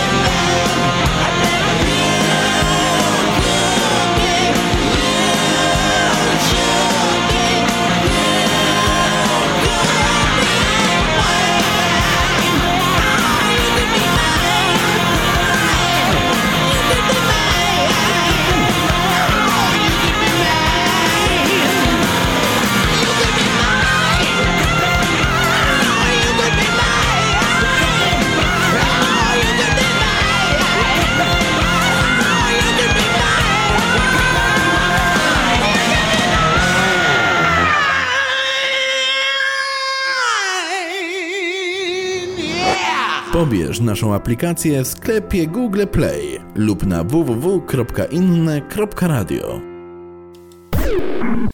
No i słuchajcie, wracamy po krótkiej przerwie. No moim dzisiejszym gościem, moim, bo Maciuś jest z pracy, jest Marcin Sienkiewicz, czyli mój mały brat z Ostrołęki, który jest, e, który jest pracocholikiem. No od razu pracocholikiem. Nie, nie, nie, nie, no co ty, nie chcę, żebyś się obraził. E, słuchajcie, e, Marcin ogólnie właśnie pierwszą część programu, bo słuchajcie, prawie już minęła godzina, e, porozmawialiśmy tutaj sobie o pierwszym, jakby to powiedzieć, wykonywanym zawodzie przez Marcina, czyli Marcin instaluje instalacje gazowe w waszych pojazdach. Jeżeli się zastanawiacie, gdzie zainstalować instalację gazową, no to polecam wam Marcina. Możecie pojechać do Marcina, czy tam do warsztatu jego szefa, w którym Marcin pracuje i tam pewnie, y, znając szczęście, pewnie traficie na to, że Marcin wam zainstaluje taką instalację. Dobra, słuchajcie, to jest pierwsza część, jakby to powiedzieć, e, pasji, takiej może inaczej, zawodów Marcina, które Marcin wykonuje. Drugą, która mnie samego osobiście e, bardziej interesuje, na temat której już troszeczkę przegadałem z Marcinem prywatnie, to są motocykle. Dobrze mówię? Motocykle, nie? Bo niektórzy Tak, mówią mot motory i tak dalej, jednoślady. No dobra, motocykle. Mm, Różne są nazwy, ale motocykle, motory. Nie obrażajmy, ni- nikt się niech nie obraża po tych nazwach, bo są ludzie, którzy. Okej. To nie są motory, to są motocykle. No tak, tak, bo po- słyszę później, bo motor to też jest na przykład w samochodzie i tak dalej, i tam pod, E. pod maską i coś tam, coś tam, nie? Bo niektórzy Znaczy, też motor- na silnik mówią motor- motor, nie? No, tak samo jak mówią, proszę uruchomić silnika, ludzie pytają się odpalić, zapalić. Podpalić. Tak. No tak, z, z, znaczy anegdota. Mam takich ludzi na co dzień. Mówisz, e, proszę uruchomić silnik, a pan mówi, odpalić? Tak, proszę podpalić samochód. Dobre, dobre, dobre, podoba mi się. No Podoba mi się. nie, nie, nie. Motocykle, mo, no, znaczy nie obrażajmy się. Motocykle, motory, motorowery, skutery, wszystko to są pojazdy jednośladowe, które po prostu wożą nas, e, zapewniają nam jakąś frajdę, zapewniają nam jakieś hobby. Nieraz jest to jakaś odskocznia, e, te jednoślady, bo nie, nie, nie obrażajmy nikogo, czy skuter, czy małej pojemności, czy motocykl, czy motor małej pojemności, czy stary czy nowy, czy najnowszy, czy szybki, czy wolny. Aczkolwiek to są chyba pojazdy, które albo dają nam szczęście, albo yy, wożą nas do pracy, albo nie wiem, no robimy na nimi zakupy, albo pracujemy na nich, bo dużo jest jednośladów, które pracują, po prostu wykonują swoje zawody. Yy, to jest też chyba jakaś pasja, bo to się przerodziło chyba w jakąś pasję. Można powiedzieć, że są różne. e, e, Nie będziemy tu mówić gangi motocyklowe. Nie. Różni są ludzie, bo zrzeszają się i ludzie, którzy skuterami jeżdżą pięćdziesiątkami też Tak, tak, samo tak, mają tak. swoje zrzeszenia, mają swoje e, kluby, mają swoje rzeczy, więc nie obrażajmy nikogo. Każdy ten jednoślad, jeden może jeździć ciężkim sprzętem, drugi lżejszym, jeden małej pojemności, drugi dużej, bo każdy pojazd jednośladowy dla indywidualnie dla swojego e, e, właściciela jest jakimś tam marzeniem, czy pracą, czy pojazdem, który po prostu s- spełnia marzenia. Bo ja mogę tak powiedzieć, że ja siadając na motocykl jestem szczęśliwszy po prostu, bo nie wiem czemu, ale tak, motor mnie odstresowywuje, e, czuję się na nim fajnie. W- jak jeżdżę w ogóle, bo jeździłem może kiedyś bardzo szybko, jeździłem później wolniej. E, Teraz jeżdżę troszeczkę jeszcze wolniej ciężkim pojazdem, motocyklem, ale on ma sprawiać nam przyjemność. Z tego co znam ludzi, którzy jeżdżą motocyklami, to dla większości to jest chyba jakieś tam, można powiedzieć, takie zauroczenie, nie? Można powiedzieć, bo dla mnie motocykl to jest oderwanie się od rzeczywistości. E, Często mi moja kochana, szanowna małżonka powtarza, gdzie jedziesz? No jadę się sam przejechać. Ale jak to sam? Jak ty możesz jeździć? To ludzie jeżdżą grupami, tak? Tak. Jeździ się we dwóch, we trzech, we czterech. Ja mówię, no tak naprawdę to chyba mi, no daje on jakąś wolność i jakieś tam taką odskocznię od rzeczywistości. Ja potrafię wsiąść na motocykl i powiedzieć, że nie wiem, gdzie jadę. E, Jeżeli mi czas na to pozwala, e, to jadę po prostu się przejechać 100 km, 250, 20. On ma mi, wiesz, dawać szczęście ten motocykl. Sam Tak. wiesz, bo pragniesz szczęścia. Tak, tak. Określone szczęście, nie? Bo Tak. każdy tam ma jakieś swoje szczęście. No, aczkolwiek widzę nawet po swoim synu, że bo zaszczepiłem e, w jednym z synów, drugim takie inne pasje. E, motocykle i motoryzację, to jest też chyba chory na tym punkcie, bo widzę jego minę wsiadając na motocykl, to po prostu on jest szczęśliwy. widzę jak się uśmiecha siadając na swój motocykl. Ja mam to samo. Siadam na swój motocykl, jestem wtedy szczęśliwy, jestem wolny. Jadę się po prostu przejechać. Mogę jeździć bez celu, można powiedzieć. Znaczy, no, wiesz co, właśnie mm, to zauważyłem jako najczęstszy efekt ludzi jeżdżących na motocyklach, że Mhm. e, to, o czym ty właśnie powiedziałeś, nagle wsiadasz i jesteś w innym świecie, centralnie z dala od e, problemów życia codziennego, z dala, nie wiem, od płacenia rat kredytu, z dala od pracy, z dala od, nie wiem, kłótni z żoną, z dala po prostu od takich, e, od takiego bytu zwykłego, codziennego. Nagle jedziesz, odrywasz się i ciebie nie ma, nie? Ale powiem ci szczerze, że e, dużo ludzi poznałem w ostatnim czasie, między innymi dzięki naszej grupie, którzy właśnie jeżdżą w ten sposób, jak i ty. Czyli, jakby to powiedzieć, wychodzi z domu, tak, zakłada po, powiedzmy kask, odpala i jedzie, żeby się po prostu przejechać, żeby się odstresować, żeby z godzinę pojeździć, za dwie godziny pojeździć, poukładać się na zakrętach, po, że tak powiem, popyrkać sobie, tak, gdzieś, żeby coś zobaczyć i tak dalej, żeby, żeby nie myśleć o niczym innym, jak tylko droga i to, co będzie na niej widział, to, co będzie widział dookoła i tak dalej, bo to oczyszcza umysł. I słyszałem, że to jest dobre, że i dlatego Myślę, że dlatego ja się zajarałem tym. Na razie jestem zajarany tak, że, że mała bania, tylko że po prostu brak czasu i innych rzeczy powoduje to, że to, jakby to powiedzieć, to marzenie jest takie oddalane, no bo do marzenia już przekonałem moją drugą połówkę, która na początek, co? Nie, no co ty, zapomnij, nie, ja się nie zgadzam, nie, ja coś tam, nie, nie, nie, nawet coś tam, coś tam i tak dalej, nie? No i wie, zaczęło się powoli, powolne, powolne, że tak to ładniej nazwę, wkręcanie, tak? I następnie wiesz, powiedziałem, ale słuchaj, to nie będzie tak. Nie, nie, to nie będzie to. Nie, ten mi się nie podoba, to tam to też mi się nie podoba. A wie, nie, chodź ci coś pokażę, coś, co ktoś ma mi zrobić. No ale co? No a no to. A, to. A ja mówię tak. A powiedz mi, a wie tak, myślę nad tym, żeby w razie czego, żebyś też mogła tam usiąść i z mną przyjechać. A nie, no to możemy porozmawiać inaczej teraz. Wiesz, wiesz co chodzi, nie?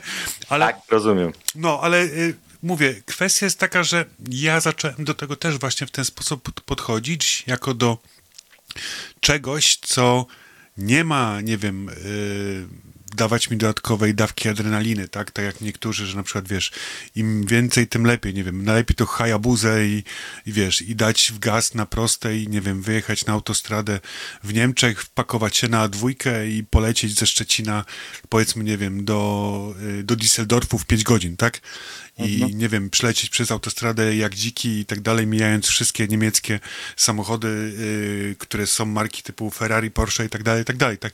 Nie, nie. Ja cały czas właśnie myślę od początku, nie wiem, może to jest gdzieś jakieś zajaranie mm, nie wiem, synami anarchii, tak? Nie wiem, chociaż oczywiście nie chcę tego wiązać z handlem narkotykami i, i, powiedzmy- bronią. I bronią, nie? I że tak powiem, i tam, nie wiem, zabijaniem em, nie, e, niewygodnych członków lub innych członków, że tak powiem, ale gdzieś to y, zaszczepiło, tak? Gdzieś to zaszczepiło i się śmieję, nie? Że, że cały czas to w głowie gdzieś tam się kręci, gdzieś y, człowiek to ogląda, prze, przegląda, gdzieś tam Pinteresty, nie Pinteresty, to wszystko na YouTubie i tak dalej. Jak już się wkręciło w banie, powiem wam szczerze, tak przyznam się z ręką na sercu, że to już jest, ja mam tak w bani, że to już nawet wyjść nie chcę, nie? Bo już, No nie. to już jest tak, że nawet jak siedzę, na przykład prowadzę audycję e, i mam na przykład lekko ściągniętą jedną słuchawkę i słyszę, jak jeździ jakiś wolnossący, nie? I mówię, Mówię, nie, nie wyglądnę, nie wyglądnę, bo wyrwę e, ten... e, Kabel ze słuchawek. tak, Jacka wyrwę z, z tego, z miksera i będzie słabo, nie? No, Tak, więc... tak. Ale to już tak jest, to już tak jest. No dobra, słuchajcie. Szuka, szukasz po prostu formy odskoczni, no bo to jest dobra forma odskoczni od rzeczywistości. Znaczy, wiesz co, tak, bo y, ze względów, wiadomo, znasz te, znasz te względy, ja ze względów, y, jak to powiedzieć, po części zdrowotnych nie mogę robić pewnych rzeczy, które robiłem kiedyś i tak dalej, czyli nie mogę uprawiać sportu, nie mogę jakiegoś tam bardziej wyczynowego, nie mogę dźwigać ciężarów, nie mogę robić takich tam rzeczy.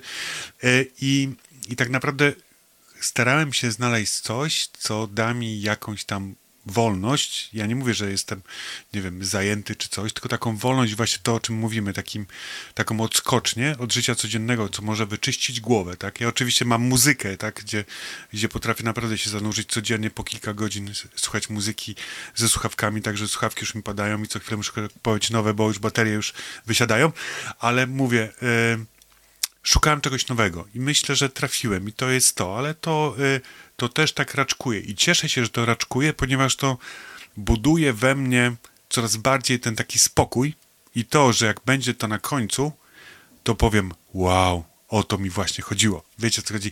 Więc y, jeszcze troszeczkę, jeszcze troszeczkę, ale zanim to jeszcze będzie, to porozmawiajmy z Marcinem właśnie na ten temat, bo e, jeszcze oprócz motocykli, wspomniałeś na samym początku, że bawisz się w jeszcze inne przeróbki. Mm, Znaczy, tak, przerabiam motocykle.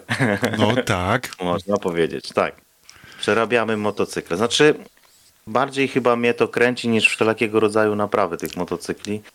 To bardziej ze względu na pasji i to jest chyba y, to, co bym chciał w życiu robić. No, aczkolwiek wiadomo, nie zawsze wychodzi to ze względów finansowych. Trzeba łapać się różnych rzeczy w dzisiejszych czasach. Ale y, to chyba jest najfajniejsza rzecz i to jest y, rzecz, która najwięcej mi przynosi przyjemności z tego wszystkiego pracy przy motocyklach. Jeżeli ktoś przyprowadza ci motocykl e, fabryczny, można powiedzieć, można kilkuletni, kilkunastoletni i po prostu chce w ramach możliwości, wiadomo, technicznych, bo tam nie do wszystkiego technicznie można podejść, e, przerobić ten motocykl na jego marzenie. Rozumiesz mnie, Robercie, o co Tak, chodzi, tak, bo, tak. bo chcesz takie marzenie spełnić tak, właśnie. dokładnie tak, dokładnie tak. E, I to jest, powiem ci, a najfajniejszą rzeczą jest, jak bierzesz ten motocykl, przerabiasz go i najfajniejszą rzeczą jest, jak człowiek odbiera od ciebie ten motocykl i widzisz to w tych oczach, po prostu widzisz w tych oczach, że spełniłeś czyjeś marzenie. Tak wiem, bo widziałem przede wszystkim takie oczy u mojego przyjaciela serdecznego, u Witolda. Mhm. E, Wiciu, pozdrawiamy, Tak, e, któremu robiłem, kończyliśmy projekt w tamtym roku, przyprowadził motocykl do, do mnie na mały garażyk, e, bo to ja mam mały, skromny garażyk w domu, w którym lubię dłubać, bo jest mały, ciasny i wszystko mam pod ręką. A, I odbierał ode mnie już swój motocykl taki jak chciał, bo projekt był jego, jego tam te zalecenia wszystkie i widziałem w oczach i pytanie zadane, czy Wituś, czy on ci się podoba. No tak, to jest ten motor, który chciałem i żeby był tak zrobiony. Także to jest chyba najlepsze zobaczyć u kogoś te mm, oczka szczęśliwe takie, jak oddajesz ten motocykl e, w takim stanie, jakim on chciał, żeby był, czyli nie tylko serwis tak zwany motocykla przyprowadza każdy ciebie fabryczny motor, tylko nie. E, Przyprowadzasz motocykl, a wyjeżdża w ogóle inna maszyna, wyjeżdża marzenie prostu człowieka, który chce tam y, mieć te marzenie i, i mieć tą odskocznię, czyli wsiąść na ten motocykl i jechać, przejechać się po prostu, odstresować się od wszystkiego i jechać czymś, czym mu się zamarzyło, nie? No właśnie, powiedzmy, No. czy, czy dużo jest takich osób na dzień dzisiejszy? Nie wiem, bo może, znaczy, y, wydaje mi się tak troszeczkę, ale to mi się tak wydaje troszeczkę. Mam nadzieję, że, że nie zostanę tutaj zjedzony przez ludzi, przez nas słuchających i tak dalej. E, Wydaje mi się, że to się mm, taka mod... Nie chcę tego tak nazwać, ale no to gdzieś układam się na języku, że jest teraz duża moda na motocykle. Yy, wie- czy- czy wiesz jest- co, też, to, też tak to zauważyłem. W ostatnich tam można powiedzieć dwóch latach po prostu się zrobiła bardzo duża moda na motocykle. Tak, wszelakiego rodzaju motocykle, bo nie obrażając tu nikogo, nie chcę nikogo obrazić, bo motocykle są dla wszystkich. Ale przeważnie spotykało się na przykład y, mężczyzn na motocyklach, ciężkich motocyklach, Tak. na wyścigowych motocyklach, tak zwanych ścigaczach naszych fajnych, szybkich motorach. I dużych, ciężkich maszynach e, mężczyzn. Teraz powiem Ci tak szczerze, byłem na takiej tam moto święconce, tak zwanej ze względu na nasze święta, swoim zabytkowym sprzętem z koszem odrestaurowanym. To powiem Ci, że jak nie mówiąc, to 30% motocykli, które przyjechały, były to kobiety. Więc e, straci, sta, z, zrobiła się po prostu, chyba tak jak mówisz, moda na motocykle, bo były to motocykle i małych pojemności, i większych pojemności, jeszcze większych pojemności, bo widziałem panią na naprawdę ciężkim sprzęcie 1800 pojemności. Ło. Za to się bardzo zadziwiłem, bo e, była bardzo drobną kobietą, taką jak ja, bo też jestem, e, nie można powiedzieć dużym facetem, tylko małym. E, I tu mam problem z motocyklami, bo muszę pod swój wzrost je dobierać. E, i, I chyba to się zauważyłem, że od dwóch lat chyba zrobiła się moda na motocykle, bo dużo ludzi kupuje nowe motocykle, e, bardzo nowe sprzęty różnego rodzaju, miejskie sprzęty, szybkie sprzęty wyścigowe, cięższe motory, bulwarowe motocykle, wszystko. I widać po prostu po zagęszczeniu ruchu na miastach naszych w Polsce, że jest coraz więcej motocykli, nie? Bo już można powiedzieć, że motocykl od 125 to już jest motocykl pojemności. E, To już jest naprawdę motocykl. One też potrafią jeździć z, do, z dobrymi prędkościami. Więc chyba i zrobiła się moda. Mogę powiedzieć, że nikogo nie obrażę chyba tym, że zrobiła się moda na motocykle. No właśnie mi się wydaje, że nie, bo że nie, nie obrazimy rzeczywiście nikogo, bo e, tak mi się, mi tak, mi tak samo się wydaje i to nie jest tylko, nie wiem, em, zasługa internetów, tak, czyli wiadomo tam Pinteresta, nie wiem, Instagrama, e, Facebooka, e, YouTube'a i tak dalej, i tak dalej, że po prostu tak naprawdę, bo wiadomo, że mm, są jakby to powiedzieć, e, są programy, które dobierają, dobierają nam filmy, dobierają nam reklamy pod nas i tak dalej, tak dalej, tak, logarytmy, które to robią, e, dobierają i możliwe, że wiesz, jak zobaczysz sobie jeden filmik na przykład z Boberkiem, zobaczysz drugi filmik z Boberkiem, to później tylko dosypują ci filmik z Boberkiem. Wydaje mi się, że nie, bo nawet ja sam osobiście patrząc, co się dzieje, na przykład gdy się zaczyna robić ciepło w samym Szczecinie, to co chwilę słyszysz po prostu silniki. A to jest ścigacz, a to słyszysz właśnie wolno sący, ktoś wyjedzie, tak? A to e, skuterów już nie, nie powiem ile jest, bo skuterów zaczyna być tyle, ile nie wiem, e, w Holandii, czy, czy tam w Niemczech i tak dalej, w tych dużych miastach, tak? Czy we Francji, czy, czy, tfu, czy w Paryżu, czy w Rzymie. Tego jest bardzo, bardzo dużo, bo bardzo dużo ludzi jeździ na skuterze. Sam myślałem nawet na początku gdzieś tam o skuterze, ale stwierdziłem, że e, nie, przy moim wzroście będę śmiesznie wyglądał, więc może raczej nie, raczej poczekam do tego spełnienia mojego marzenia. Więc e, tak mi się właśnie wydaje i mówię, mamy nadzieję, że nikogo nie obraziliśmy, ale to się zrobiła dosyć duża, duża, tak uważam, duża moda na, na, na, na jednoślady i tego jest, naprawdę jest coraz więcej. I właśnie to, co powiedziałeś, że bardzo dużo kobiet zaczęło jeździć właśnie na motocyklach. Bardzo Tak, dużo. tak, tak. Bardzo dużo kobiet zaczyna jeździć na motocyklach i to się widzi po prostu, że zaczynają też y, od najmniejszych pojemności, ale widać, że i ciężkie maszyny jeżdżą, prowadzą kobiety ciężkie maszyny, ciężkie motocykle i te mniejsze i skuterki. Teraz też jadąc do pracy rano widzę, ile pani ciepło się tylko zrobi, to wsiada na skuterki i jeździ. Ale i widać, tak jak mówisz, y, skuterów 125, tych troszeczkę większych pojemności. Młodzieży strasznie dużo ciepło się zrobiło, to bardzo dużo młodzieży. Bardzo duża moda zrobiła się na crossowe, endurowe motocykle. Tak. Można powiedzieć, bo to młodsze pokolenie już od nas zaczyna wsiadać na takie pokolenie naszych synów, wsiadać już na te motocykle, bo mm, z tego co widzę po swoim synu nawet, że chyba y, lubią nawet to, że się spotkają z ludźmi, po prostu jeżdżą na te tory, bo u mnie syn jeździ y, dużym motocyklem crossowym, skaczą i różne rzeczy robią. Cuda na tych motocyklach, podziwiam go naprawdę, bo jest lepszy ode mnie. Okej. E, tak, naprawdę, po- potwierdzam, to jest lepszy ode mnie, to co, to, co robi z motocyklem.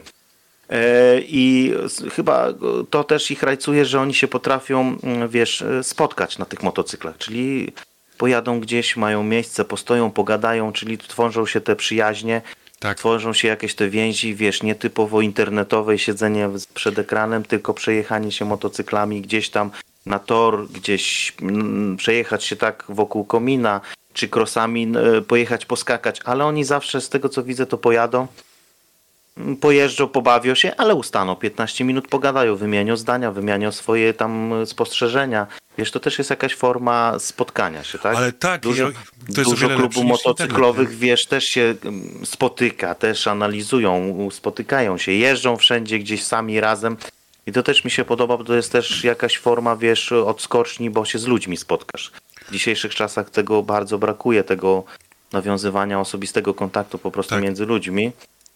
Tylko jest robione w tym naszym internecie w dzisiejszych czasach. Więc e, motocykl może dawać też taką rzecz, że e, wiesz, formę spotkania się z ludźmi. E, wiesz, przyja- przyjaciółmi, wiesz, no hej, zadzwonisz do kogoś, hej, słuchaj, przejedziemy się motocyklami, jeden, drugi, trzeci, no jedziemy we trzech, we czterech też się przejechać. No ja też tak robię i też najpierw zadzwonię do znajomych. Jeżeli nie, no to wiesz, tak jak mówiłem, samemu też można się świetnie bawić, jest jakaś odskocznia, wiesz, przewietrzyć to głowę, tak zwano, że Tak. przez chwilę o niczym nie myślisz, nic cię nie martwi, prawda? A cię, uważ, uważam, że to, jest, a w ogóle to pozdrawiamy dzisiaj Barta, ponieważ Bart ma zlot Tak, tak, tak. SOG dzi- w ogóle w ten Tak, tak. weekend. Także pozdrawiamy Barta serdecznie. Pozdrawiamy Barta serdecznie. To jest jeden, je- jeden z gości, który naprawdę jeździ motocyklem Tak. przewietrzyć głowę, bo potrafi tak jak ja wsiąść na motocykl, nie myśleć o niczym, zrobić setki kilometrów, wrócić z powrotem i dobrze się z tym czuję. Naprawdę podziwiam tego człowieka. E, jest fajny, fajny gość, fajny motocyklista. Tak. I Bart- właśnie Bart- ro, robi, robi to, co mm, robi takie rzeczy tak jak ja, czyli siada na motor i albo jedzie ze znajomymi, albo jedzie po prostu samemu się przewietrzyć, bo nieraz potrzebuje wsiąść na swoją tam e, e, na swojego czarnucha i ten i przejechać się, e, wiesz, motocyklem, przewietrzyć to głowę i te myśli swoje przewietrzyć. No ja tak często robię, jeżeli ciepło się zrobi. E, Aczkolwiek to już jak ciepło się zrobi, to już zarzucam jeżdżenie samochodem, tylko siadam na motor nawet do pracy, siadam na motor. A ci, Zimno czekaj, ale powiem, powiem, powiem ci szczerze, że e, to jest, to jest bardzo dobre rozwiązanie. nie? Poza tym, słuchajcie, ja uważam też, że przesiąść się na dwa kółka w momencie, kiedy się robi ciepło i tak dalej, to nawet jest e, zlikwidowanie troszeczkę ruchu w mieście w tym momencie, tak? Ponieważ wiadomo, Tak, wszyscy, tak, wszyscy, tak, wszyscy, tak. Rano wsiada, wszyscy rano wsiadają, powiedzmy, więc pakują się w te samochody, pakujemy się w te korki, jedziemy do tej pracy i tak dalej, stoimy w tych korkach, parkujemy. Tak, znaleźć miejsce parkingowe, na przykład w takim Szczecinie, tam gdzie ja pracuję, to z rana, jeżeli nie przyjadę maksymalnie do 7.25, to później mogę zrobić 10 okrążeń naokoło po prostu bloku, gdzie mam biuro i na pewno nie znajdę i muszę zaparkować półtora kilometra dalej, nie? Więc, No. y, więc tutaj w tym momencie na przykład takie rozwiązanie pod tytułem wskoczyć na, na dwa kółeczka, przyjechać i w miejscu parkingowym normalnego samochodu mogą zaparkować, nie wiem, z trzy jednoślady, no to już jest różnica, nie? Duża. Poza tym Tak, też tak. nie ma takich korków, szybciej się jedzie, szybciej się przejedzie. E, już nie mówię o, nie wiem, o niebezpiecznym wymijaniu kogoś, ale na pewno, na pewno ruch można troszeczkę, jakby to powiedzieć, zmniejszyć w mieście i, i to też jest... Znaczy, znaczy, e, powiedzmy jeszcze Robercie, tak, jeździmy bezpiecznie na tych O, tak. jednośladach, tak? Tak. Dojeżdżajmy szybciej do tej pracy, dojeżdżajmy e, sprawniej, bo to naprawdę sprawniej idzie. Ja widzę sam po sobie, jak motocyklem się jedzie, a jedzie się samochodem. Tylko e, zawsze powtarzajmy, bez, bezpieczeństwo Tak. swoje i ludzi na drodze jest najważniejsze, więc uważajmy na siebie, uważajmy na ludzi, którzy są na drodze, jeździmy bezpiecznie na tych Jeździmy z głową, dokładnie. Tak, jeździmy z głową, tak, tak, jeździmy z głową. Na tych Jeździmy z głową. No dobra, teraz e, pytania e, takie mam do ciebie. E, Słucham. Co najbardziej lubisz w przerabianiu motocykli? Mm. Nie, już nie mówimy o efekcie końcowym, kiedy przychodzi pan i pada na kolana, łzy mu ciekną ze szczęścia i po prostu i mówi, jesteś moim mistrzem, tak? Tylko mówimy, jakie prace lubisz najbardziej w trakcie przerabiania motocykli i jakich nie za bardzo lubisz? Bo takie też muszą być. Zawsze coś jest. Najbardziej to lubię te mm, takie ciekawostki, bo wiesz, e, przeważnie się przerabia motocykle, e, znaczy małe te przeróbki się robi, to są takie powierzchowne rzeczy, żeby wizualne zmiany, czyli typu lakierowane zmiany jakichś błotniczków, tam takich wizualnych rzeczy. Aczkolwiek są takie zagwozdki nieraz, że wiesz, trzeba tam e, dorobić tak jak u ciebie. Drugie siedzenie dla Katie, żeby mogła jeździć. Tak. Wie, wiesz co, lubię takie zagwozdki, czyli y, rzeczy, które nikt nie chce Nie komuś zrobić. Nie są oczywiste, nie są realne do zrobienia, ale idzie to zrobić. Trzeba wy- wyrysować, trzeba pomyśleć, trzeba e, coś w dom dorobić, coś zrobić. E, takie ciekawostki po prostu, które muszę sam wykonać i ten efekt końcowy nie będzie fabryczny. Wiesz o co chodzi. Tak, tak, tak. tak, Części, tak. które dorabiasz, dorabiasz nie są fabryczne. No wiadomo, że te lżejsze rzeczy, to tam typu lakierowania i inne rzeczy, kol, zmiany kolorów, to są takie powierzchowne rzeczy. Ale na przykład ja u siebie w motocyklu mam 14-calowy ster. To każdy się śmieje, jak ty możesz jeździć na tej wietrzy pach. Nie? Czyli mam ręce nad, wys- na wysokości swojej głowy. No ale no, spełniłem swoje marzenie. Zawsze chciałem mieć taki, taki motocykl na szerokich błotnikach e, z dużym podniesionym sterem typu tam meksykańskie te motocykle Tak, tak, tak, tak. Customy. No zawsze mi się marzył taki motor, a że jestem małym człowiekiem. To takie gwizdki też ci się podobają z tyłu, takie leżo, leżące na glebie, prawie? Mm, No, no, są fajne, powiem tak, są fajne te motocykle z tymi gwizdkami. Okej. Aczkolwiek wiesz co, ja zawsze dążyłem do projektu, który miałem w głowie sam sobie, bo robiłem dla siebie też parę motocykli, które po przerobieniu po prostu zostałem e, uduszony, żeby go sprzedać komuś, tak? No bo doprowadziłem do stanu takiego, jak mi się spełniło marzenie moje, czyli zrobiłem motocykl po swojemu, jeździłem na nim pół roku i przy, nagle przychodzi do mnie koleś i mówi, ale ty musisz mi go sprzedać, bo on tak mi się podoba, że no ja muszę go mieć, nie? Mm, Mówią, że swoich marzeń się nie sprzedaje. No właśnie. E, powiem ci, Robert, w ten sposób. Chyba wszystko zależy od ceny w dzisiejszych czasach. Okej. Bo, zawsze, bo zawsze masz w głowie coś takiego, że nie, mam jedno marzenie, które jest spełnione i stoi w garażu cały czas i jego nie sprzedam. Ale e, powiem ci tak, bo w dzisiejszych czasach to po prostu kalkulujesz, nie? Mhm. Wiesz, że jak ktoś przyjdzie do ciebie z kasą i daje ci taką kasę i ty zaraz tak myślisz, a ale za te pieniądze mógłbym sobie kupić troszeczkę większy, młodszy, znowu go przerobić. Wiesz, i to jest takie te błędne koło się robi. Czyli ci- kupujesz ci- następny, No. przerabiasz i jeździsz, cieszysz się nim, ktoś się trafi, mm, sprzedasz, nie sprzedasz, nie, nie sprzedam, ale sprzedałeś go z powrotem, bo wiesz, że możesz spełnić, wiesz, te marzenia w motocyklach można spełniać do samej góry, wiesz, to finansowej, jeżeli chodzi, nie, o takie rzeczy. No ja mam motocykl, który, parę mam tych motocykli, mam motocykl, który po prostu teraz poprzerabiałem, jeszcze dorabiam różne rzeczy do niego i też mam w głowie, że ja go nie sprzedam. To jest mój motocykl, który wymarzony taki chciałem mieć, ale tam gdzieś z tyłu głowy już wiem, jaki by był następny motocykl. Wiesz o co mi chodzi. A ci wiesz Czyli co, już- może to tak jest, ponieważ ty to robisz, wiesz o co chodzi na co dzień. E, przerabiasz motocykle i tak dalej i cały czas coś masz tam w bani, bo przyznam się szczerze, ja e, to, to, e, to o czym już rozmawialiśmy nieraz i tak dalej, ten projekt, który jest e, do zrobienia, że tak powiem, po prostu ja wiem, że on mi da jakąś tam pełnię szczęścia, tak? W tym temacie akurat, nie? Bo jest y, upatrzony, wypatrzony, opatrzony, że, że tak to nazwę, tak? Tylko, że po prostu mówię, musi być właśnie, jakby to powiedzieć, teraz tylko przerobiony pod Katie jeszcze i tak dalej, więc y, i myślę, że y, wiesz, dla mnie, dla osoby, która będzie potrzebowała, wiesz, takiej odskoczni, kiedy jest ciepło, czyli wsiąść, tak jak mówisz, przewietrzyć głowę, przejechać się, nie wiem, wziąć, nie wiem, Katie na wycieczkę, pojechać nad morze, wiesz co chodzi, nie? Nie wiem, wypić tam sobie kole, kawę i tak dalej, powdychać jod i, i wieczorem wrócić do domu, czy coś tam, coś tam, to wystarczy, ale mi się wydaje, że w przypadku twojej osoby, czyli osoby, która na co dzień to robi, grzebie i tak dalej, i tak dalej, która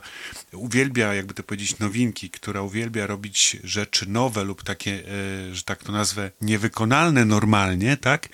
Tak. E, to jest, e, to jest niekończący się worek, że tak powiem, marzeń. Tak, no wiesz, można tak powiedzieć, można tak powiedzieć, nie? tak, tak, bo, bo wiesz, bo to jest tak, że na, na przykład, nie wiem, yy, bierzesz sobie normalnego, powiedzmy, nie wiem, bierzesz, robisz sobie, powiedzmy, bobera, tak? Jest bober Tak. zwykły, tam, powiedzmy, laczek z tyłu taki, taki i tak dalej, tak dalej, tak?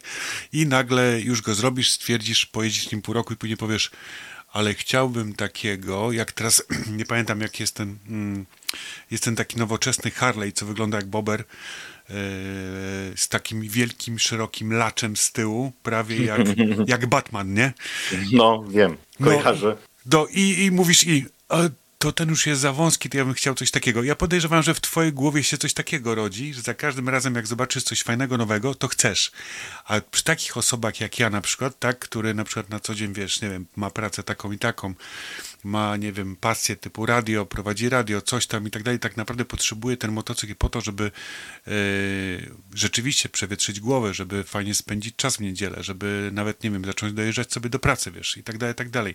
Już nie mówiąc nic o e, gangach motocyklowych czy coś tam, tak, o przynależności, to e, mi na przykład wystarczy, powiedzmy, na razie wystarczy, tak, jeżeli zacznę jeździć, wystarczy to, co mam.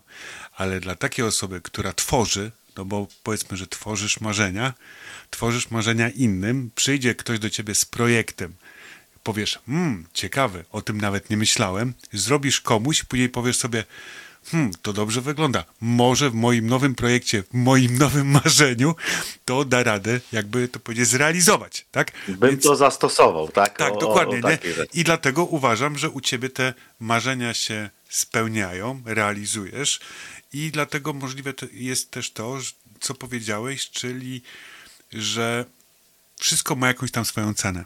Tak? Więc nawet jeżeli stanie to twoje marzenie i powiesz wow, to jest to, to w pewnym momencie przyjdzie koleś, wyłoży ci hajs, a ty już powiesz o ja, to teraz to ja sobie zrobię prawdziwego Meksykańca. Wiesz Tak, tak. To, to jest chyba na tej zasadzie, Robert, nie, nie oszukujmy się. Żyjemy Tak. w takich czasach, że no jednak ten pieniądz ma górę nad nami. Nie można tak, Tak. powiedzieć, niestety, tak? Bo już sam, tak jak dobrze powiedziałeś, już w głowie ktoś ci przyjdzie do twojego motocykla, twojego marzenia spełnionego, no ale ci wyłoży taki pieniądz, że ty już w głowie w Tak. ciągu 30 sekund ułożyłeś sobie, jakie byś kupił drugie marzenie lepsze, Tak. by był bardziej realistyczny, bardziej zrobiony po twojemu, jednak idzie to zrobić za te pieniądze, co on ci zapłaci. Tak, Że dokładnie. Myślę, myślę, że to no, tak trzeba do tego podchodzić, aczkolwiek, no tak jak mówię, ja mam w garażu takie marzenie, które spełniłem i chyba zostanie już ze mną, bo podchodziło już parę razy parę ludzi, parę osób z dobrymi pieniędzmi do tego marzenia Aha. i byli odprawieni z kwitkiem. Eee, także, bo mam stary rosyjski motocykl z koszem odrestaurowany, zrobiony militarnie po prostu. Tak, I też według mojego projektu, bo takiego moto, taki, tak motocykl nie wychodził e, z fabryki tak jak jest u mnie, ale e, zrobiłem go po prostu w swoim stylu, czyli tak jak przerabiam motocykle ludziom czy dla siebie, różne konstrukcje robimy, to e, zrobiłem go po prostu po swojemu i to jest moje marzenie, które stoi obok malucha w, w garażu. Jeździ na święconki tak zwane, czyli z koszyczkiem jeździmy na, do, na święconkę czy na jakieś e, tam inne e, staro, st- po- pokazy starych, e, starej zabytkowej motoryzacji. W tamtym roku zdobył pierwsze miejsce u nas tutaj w Ostrołęce na takim zlocie właśnie starej motoryzacji zajęliśmy pierwsze miejsce Super. tym motocyklem, tyle mogę się pochwalić. I te marzenie to już chyba zostanie ze mną, powiem tak, o, bo to jest motocykl z mojego rocznika, tak zwany mój rocznik. Okej. E, Długo nad nim, nad nim pracowałem, bo 2,5 roku go do, e, doprowadzałem do stanu. Dopieszczałeś od, go? No. e, No, od stanu takiej agonii można powiedzieć, bo to jest bardzo wyciągnięty gdzieś tam z dziury motor, części dojeżdżone przez dwa lata, dobierane wszystko malowania w farbie militarnej naszej czołgowej, tak zwanej z lat 90. E, powiem ci i chyba to już zostanie ze mną, bo to jednak ja lubię e, przy nim pogrzebać, wiesz, trochę się i denerwuję na niego, ale zarazem mnie odstresowywuje jak jeżdżę na tym, jadę się przejechać jak wiesz, w takim motocyklu można małżonkę wsadzić do koszyczka tak zwanego i przejechać się te 30 km i widzieć uśmiech na twarzy swojej i, i, i kobiety, czy ewentualnie kogoś, kto się wiezie tym motocyklem, to jest naprawdę fajne. Uwierz mi. Znaczy nie, I- no podej- podejrzewam, że tak. Ja bym do tego jeszcze założył takie gogle po prostu, wiesz, z lat. E, z no lat- bo no akurat tak jeździmy, mamy takie orzeszki Okej. porobione, na to takie crazy frogi tak zwane, czyli te gogle takie pozakładane i wiesz, militarna jakaś kurteczka i robimy rundeczkę wiesz, wokół komina tak zwanego, ludzie się oglądają, przyglądają, każdy ci okej wali. Zdjęcia robione, bo byłem tym motocyklem nawet wyprawą z synem młodszym na Mazurach byliśmy. Prawę se trzydniowo zrobiliśmy, to zatrzymywali nas ludzie po prostu, żeby zobaczyć, a nawet podczas jazdy nam zdjęcia robili, jak żeśmy lecieli na Mazury. To to z samochodów przez okna były zdjęcia robione. Jadą partyzanci po prostu na Mazury. Ale rozumiem, że, rozumiem, że jakiegoś na przykład tego, e, karabinek też jest? w koszu? Mm, mm, Znaczy, już nie zakładałem tego Okej. ze względu, że Wi- już by naprawdę wszyscy mnie zatrzymywali, łącznie z naszymi panami niebieskimi, Tak. Dla- ale żeby popodziwiać, no bo każdy wie. Ale nie, dwa granaty mam. Dobrze. Marcin, weź takie pytanie, bo tak fajnie powiedziałeś. Jak robisz e, motocykle po swojemu, czy Marcin ma jakiś, e, że tak powiem, swój, jakby to ładnie nazwać, znak towarowy, znak jakościowy, że wiadomo, że e, gdziekolwiek nie zobaczysz, powiedzmy, w Polsce jakiegoś motocykla, nawet jakbyś go nie widział kupę czasu, to powiesz, o, ja go robiłem. Mm, e, Mam. Tylko powiem ci tak szczerze, że dopiero w tym roku spełniłem się trochę tak, że dopiąłem tego znaku towarowego tu nawet z jednym z e, braci z naszej grupy, który użyczył mi cząstkowo też tego znaku. E, robił mi ten znaczek, u- użył tego znaku. Mam taki znaczek towarowy, taką piękną czaszeczkę e, w kasku motocyklowym ze zwieszoną brodą. E, Na pewno na kasku będzie napisane Brodaty Mechanik, bo nawet i na naszej zacnej grupie Broda i Tatuaż e, są co czwartek takie. mm, Tak, tak, to Brodomoto, to wiadomo. Tak, Brodomoto tak, z Dominikiem wrzucamy. tak. No, mm, y, a ja tak, no początkowo tu zacząłem się już y, trochę pokazywać koszulkowo. Wrzuciliśmy do druku koszulki nasze y, z naszym logo. Już zaczynamy te logo gdzieś tam na naklejkach robić na takich rzeczach Na e, tatuażach. filmowych. Na, no mo, tak, na tatuażach, bo akurat mam taki tatuaż na ręku świeżo zrobiony dwa tygodnie temu. Widziałem, Robił go widziałem. nasz tutaj też y, jeden z braci Witold, mój dobry, serdeczny przyjaciel. E, Mam na dłoni zrobione logo firmy.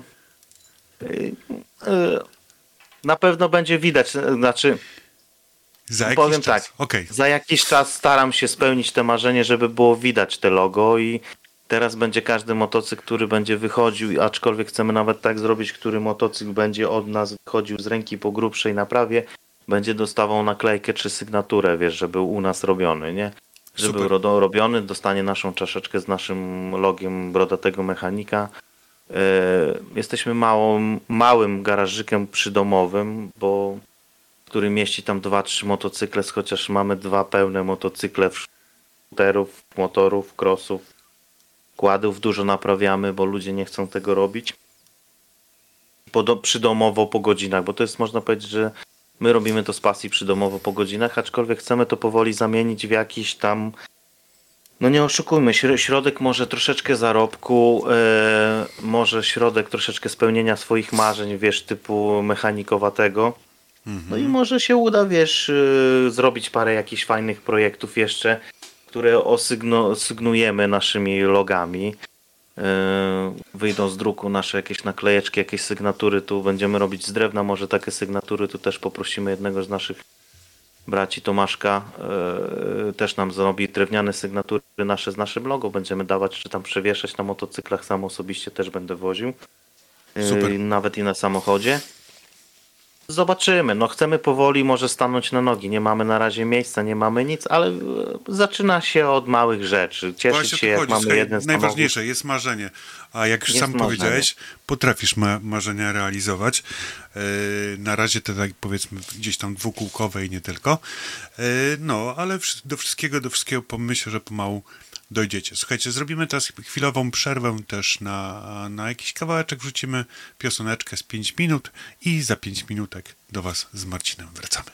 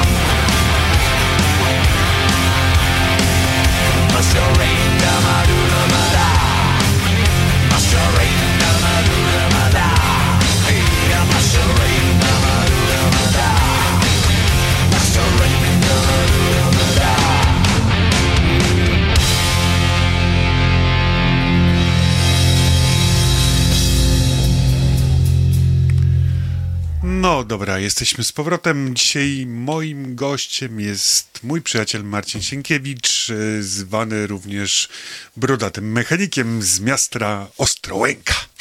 E, Tak, tak. No słuchajcie, tutaj sobie rozmawiałem właśnie z Marcinkiem, rozmawialiśmy już na ten temat, co Marcin robi na co dzień, od, powiedzmy od rana do popołudnia.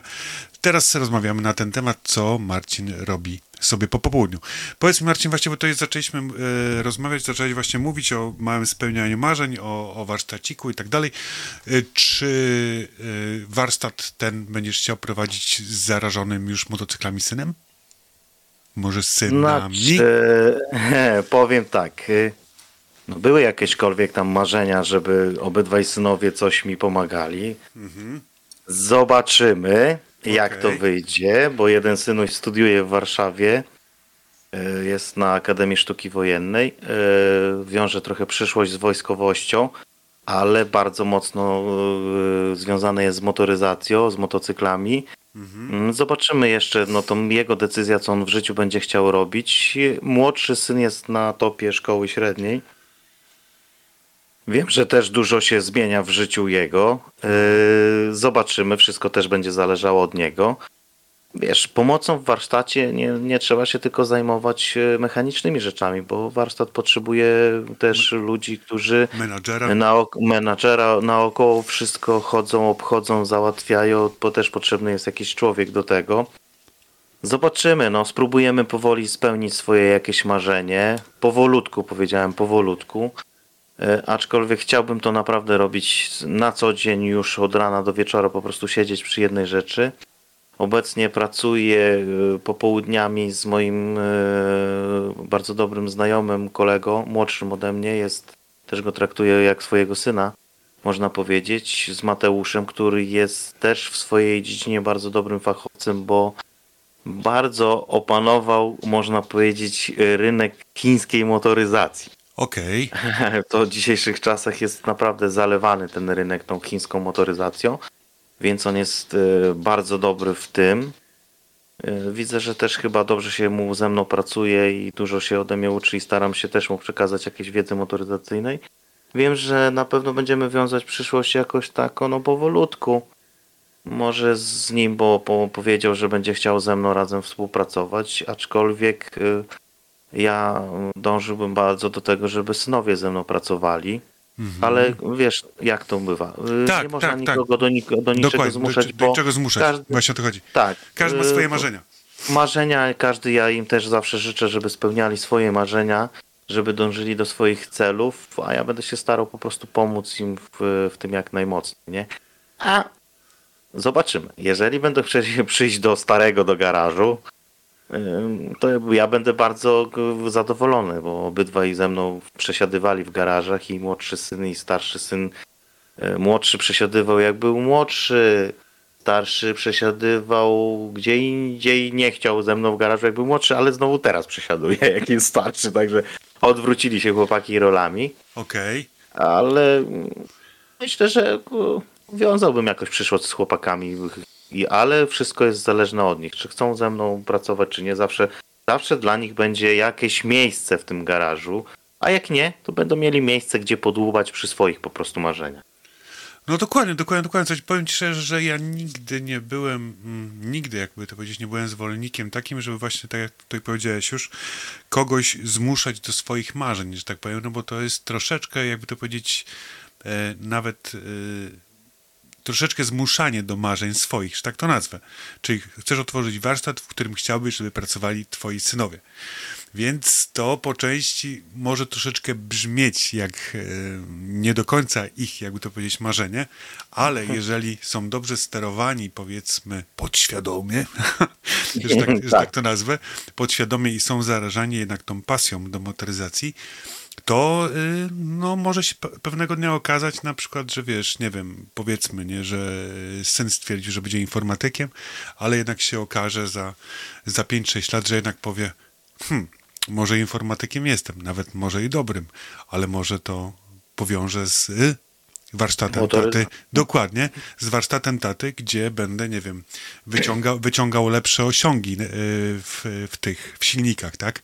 Będę je lepiej programował, będę lepiej... I też dalej będę pracował przy komputerach, tak? No Dokładnie, jest o to właśnie- chodzi, więc, więc to wszystko, słuchaj, no życie tak naprawdę prosto pokaże, tak chociaż z drugiej strony ja, ja sobie powtarzam od jakiegoś czasu, że życie jest tylko jedno, e, nie jest za długie, więc e, szkoda jest czasu na nierealizowanie marzeń, więc tak naprawdę jeżeli jest marzenie pod tytułem, że chcę mieć e, ten warsztat tak swój, w którym może kiedyś synowie będą pracowali, może i nie, to i tak, i tak uważam, że czas realizować takie marzenie jest teraz, ponieważ mamy tylko jedno życie tak naprawdę, nie? Wiadomo, są osoby, które myślą o reinkarnacjach i takich innych tematach, tylko pytanie jest takie, czy nawet jeżeli jest reinkarnacja, jeżeli się przeniesiemy po śmierci, gdzieś tam się nagle znowu pojawimy, to czy będziemy pamiętali o tym, co było wcześniej, tak? Że, No praca- że, że mieliśmy marzenie, żeby otworzyć warsztat, albo na przykład teraz będziemy chcieli mieć, nie wiem, warsztat naprawy rakiet kosmicznych, ponieważ na przykład, e, nie wiem, SpaceX będzie chciało podpisać z nami umowę, bo jesteśmy super No nie? No. Tak, tak, tak, I, tak, i tak tak. dalej, nie? Więc, więc to tak też może wyglądać. Dobra, a pytanie. Bo jest warsztat, jest wszystko, jest y, wspaniała małżonka, którą pozdrawiam serdecznie, którą znam osobiście też, Ewelina. Jest, są synowie, których poznałem. Jest synowa? Jest jeszcze chyba, nie? Jest oczywiście, No. tak. Znaczy, jeszcze nie przyszła synowa, ale my już ją traktujemy jako naszą No, synową. więc, więc, więc ją też po, jest, jest, pozdrawiam. jest bo nasza też, kochana Kasia, jest, jest z nami ze starszym synem już tyle lat i No, to Tak, super, tak. super, bo mówię, też, też ją poznałem, także mówię, całą rodzinę ja sam osobiście poznałem, którą serdecznie całą rodzinkę waszą pozdrawiam.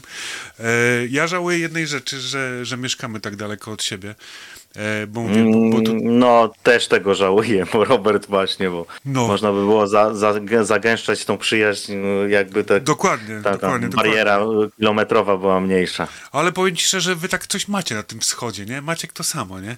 Ten to Białystok, ten Ostrołek, przestańcie, kurczę, ten wsch- wschód, że się obstawili tak, że... Ach, dobra, szkoda No, my, od, my zabezpieczamy flankę od No ja tej wiem, strony. wiem, wiem, wiem, wiem. My już nie, no ja mogę zabezpieczyć tylko od tego, żeby za, za, za często Rammstein do Polski nie przyjeżdżał, nie? No, ale ten, no tak, tak, tak. no, ale słuchajcie, słuchaj, e, pytanie mam teraz takie, czy mm, czy Marcin, oprócz y, takiego, takich zwykłych, jakby to powiedzieć, no zwykłych, niezwykłych marzeń o warsztacie i tak dalej, tak dalej, czy Marcin jeszcze o czymś marzy? Da, da, da, da. Co teraz powiedzieć? E, Znaczy nie, słuchaj, y, są takie marzenia, które chciałbym zrealizować i dążę może trochę do tego, tylko ze względów może czasowych i finansowych też człowiek się trochę blokuje. Wiesz co, y, jest takie marzenie, y, wiąże trochę to też z motoryzacją, bo zacząłem, e, kupiłem samochód nowy, dałem mój stary projekt, piękny, cudowny, który kochałem bardzo mocno, poszedł do Rumunii, do nadleśnictwa. E, Kupiłem ciężki samochód, e, Jeep. Próbujemy go troszeczkę, będziemy go wzmacniać, trochę przerabiać, trochę dostrajać.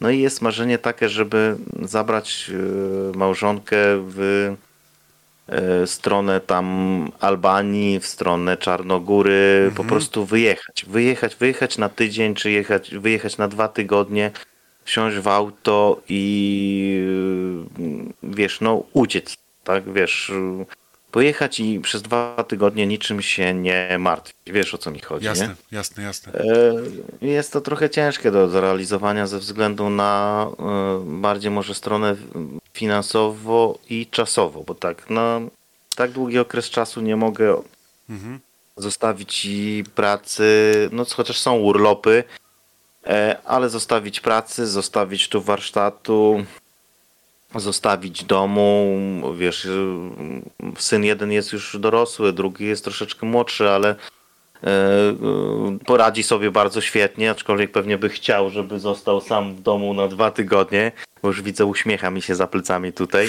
E, I e, chociaż my się nie obawiamy jego, jest bardzo inteligentny chłopak, E, Ale tak, może takie marzenie jest. Wyjechać sobie tam na taką tą mm, Albanię, Czarnogórę, w tamto Chorwację, w tamtą stronę zjechać, tam masz pod te e, dalsze kraje tym samochodzikiem e, nocować, wiesz, w autku czy na dachu namiociku, na dachu, e, przy stoliczku, te zachody słońca, te poranki o 5 rano, wiesz, takie chłodne.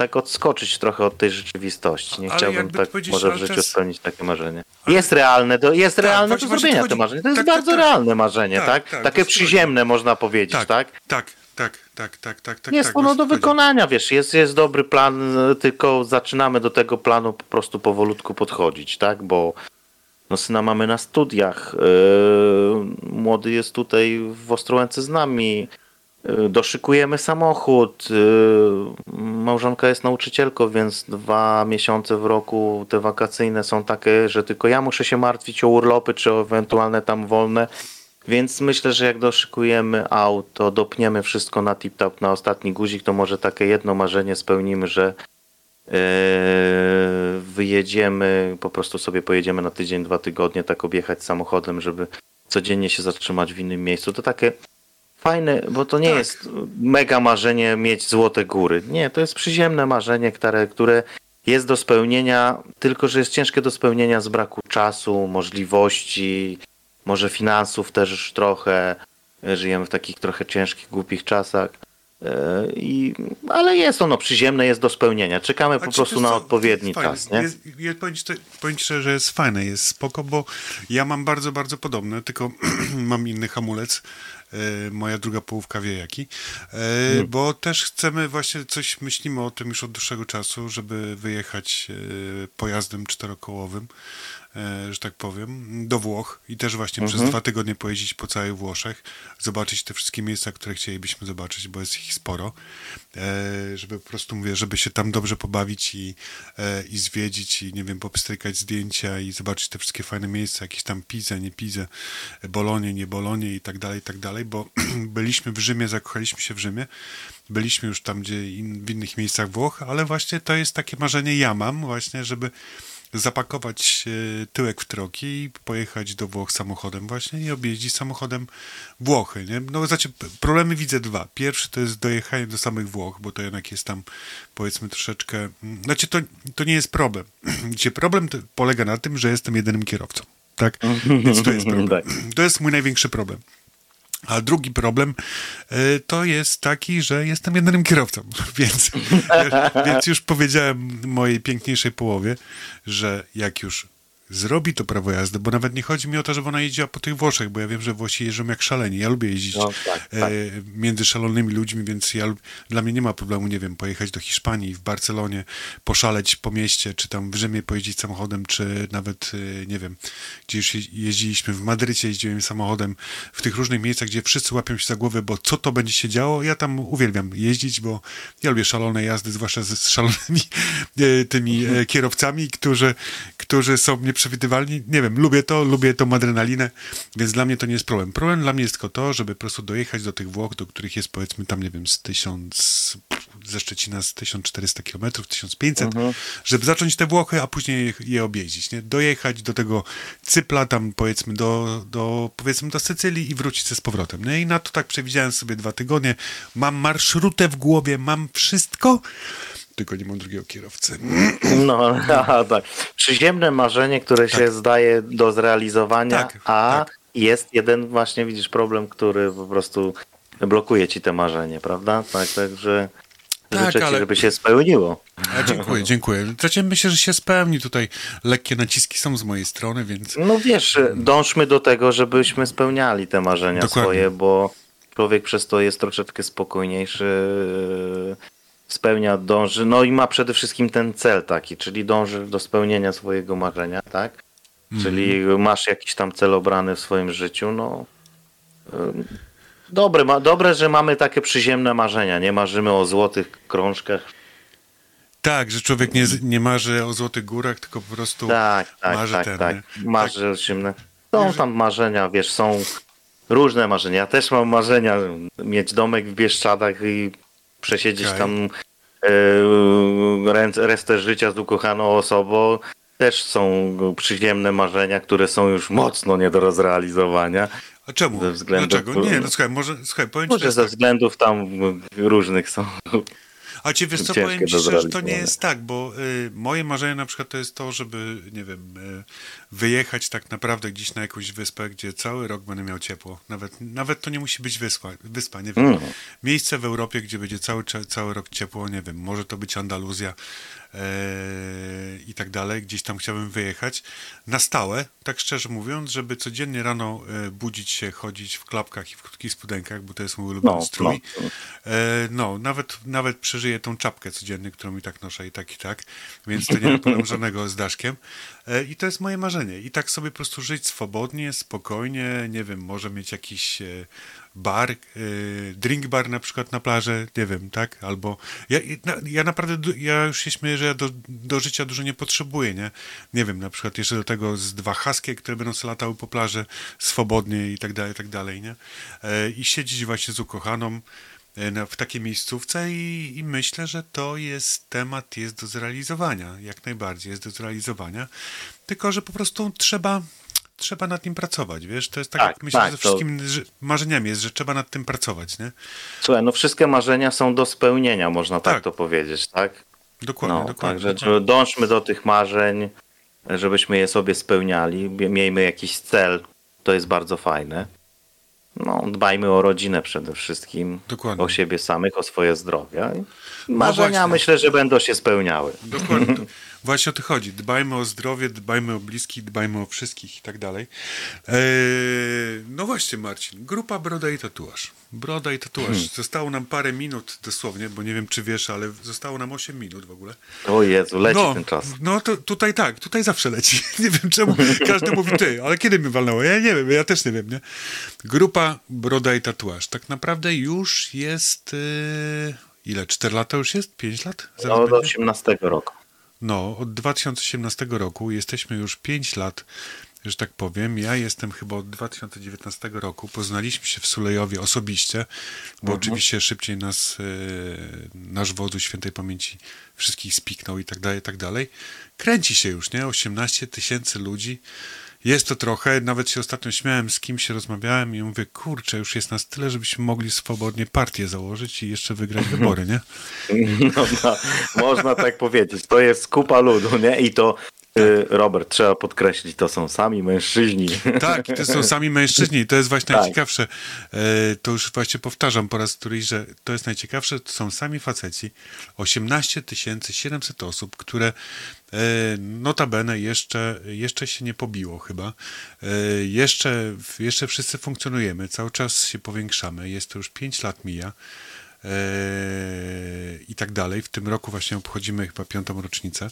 Tak. E, także, także dzieje się, dzieje. Jest fajnie. Marcin jest moderatorem. Ja tam jestem administratorem tak zwanym, tak się nazywam sam osobiście, pomocniczym. E, bo jestem bardzo zajętą osobą, więc tam bardziej wspieram chłopaków tym wszystkim. No, prowadzimy stowarzyszenie i bawimy się, e, bawimy się dobrze. Przy tym wszystkim przednio pomagamy ludziom. Dla tych, którzy e, nie wiedzą, co to jest grupa Broda i Tatuaż, także tutaj tylko tak delikatnie z Marcinem wam przypominamy. E, no, Marcin prowadzi w czwartek, także koledzy, którzy jeszcze nie widzieliście, którzy jesteście u nas na grupie, prowadzi tak zwane czwartki z Brodomoto razem z, e, z Dominikiem. z Dominikiem. E, Marcin nagrywa fajne filmiki, takie zajawkowe. Naprawdę fajna sprawa. Mam nadzieję, że Marcin się rozwinie w tym bardziej i tak dalej, tak dalej, bo uważam, że idzie mu to coraz lepiej z, z tygodnia na tydzień.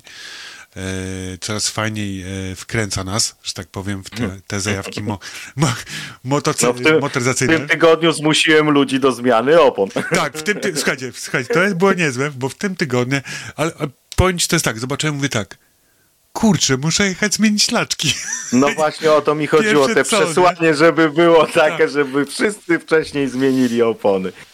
Ale, dokładnie, ale powiem wam szczerze, dokładnie tak było. I po prostu ja mówię tak oglądam, mówię, przecież on ma rację, przecież nie? Ja cię kręcę, przecież on ma taką rację, że się w głowie nie mieści, przecież trzeba jechać, zmienić laczki, ale powiem ci szczerze, że w Szczecinie nie jest tak fajnie i ciekawie, bo na przykład jak Maciek e, wrzucił chyba dwa czy trzy dni temu zdjęcie ze spaceru z psem, że siedzi sobie w krótkich spodenkach, a piesek sobie leży po prostu na ziemi i tak dalej, tak dalej i prawie się opalają, to powiem szczerze, tak w Szczecinie jeszcze nie było, nie? U W nas czas- Szczecinie kurtka puchowa. Tak, tak, tak. Wcześniej kurtka puchowa, tak jak dzisiaj było oczywiście rano, kurtka puchowa, bluza, koszulka, czapka, w ogóle wszystko jeszcze gwizdało po, po uszach, nie? Więc powiem wam szczerze, że to nie jest tak fajne. No niby ma się coś zmienić, ale nie w tym tygodniu, bo ma być jeszcze w nocy ma być po 2-3 stopnie, w ciągu dnia ma być maksymalnie gdzieś tam 10-12. Może przyszły tydzień, ale też widziałem, że w ciągu dnia ma być 8, więc powiem wam szczerze, że chyba w tym roku ta wiosna się długo będzie z nami bujała i nawet nie wiem, czy nie będzie się bujała samego lata, nie? Także lato Może nam się, być. może zacznie, zacznie, zacznie nam się później, nie? Trochę niedobrze, bo nam sezon motocyklowy się opóźni. No właśnie, właśnie, właśnie. Tutaj te też musimy jakoś tam, musi, też musimy jakoś porozmawiać, musimy zagęścić ruchy, coś w moim temacie, ale to już poza, że tak powiem, że tak ładnie powiem, poza anteną. Dobra, powiedz mi Marcin tak, więc y, reasumując dzisiejszy wieczór, naszą rozmowę, czego mogę ci życzyć? Wa- Ja wiem. Nie wiem. Robert, słuchaj, Robson. e, No. Ja wiem, żeby może tam niech mi się pospełniają marzenia i niech się spełnią twoje marzenia, a ja Okej. spróbuję przyczynić do tego, żeby tobie się spełniły. No dobra, dobra, dobra, to Ja, ja, wiem. Myślę, że w życiu to, co chciałem osiągnąć, e, to już chyba osiągnąłem, wiesz? mhm. To spełniłem parę marzeń, które już po prostu miałem gdzieś w planach, a takie przyziemne marzenia na pewno też jakoś się spełnią. No teraz największym marzeniem to jest e, to, żeby moi może synowie dobrze podorastali, pokończyli szkoli, szkoły, byli fajnymi ludźmi, ludźmi, przepraszam. No. I ja wiem, może niech ten warsztacik już powstanie taki mój własny, żebym mógł chodzić tam y, z przyjemnością. Mhm. I myślę, że tyle. No a przede wszystkim co? Życzmy sobie zdrówka. Bo jak Właśnie to będziemy chodzi. mieli zdrowie, to, będzie będziemy dążyć do. Będzie reszta, będziemy dążyć do wszystkiego. do realizacji marzeń. Dokładnie. Także ja, słuchaj Marcin, dlatego ja tobie życzę właśnie zdrowia dla ciebie, dla całej twojej rodziny. Życzę wam, że y, drodzy słuchacze, wam też wszystkim życzę zdrowia, bo mnie ostatnio tak poskładało, już się w głowie nie mieści. Moją Katie poskładało prawie na miesiąc czasu. E, coś tam lata panuje i szaleje. Dzisiaj nawet gdzieś tam doczytałem właśnie, że z, o, już nie będę wypowiadał tego słowa. Kolejna jakaś odmiana jest jeszcze gorsza niż pod, poprzedni Kraken. Dzisiaj wyczytałem właśnie w wiadomościach gdzieś tam na, na Twitterze. E, więc słuchajcie, dbajcie o siebie, bo jest teraz taka porąbana aura, że nie wiadomo, czy jest zimno, czy jest ciepło. Dbajcie o siebie, chroncie siebie.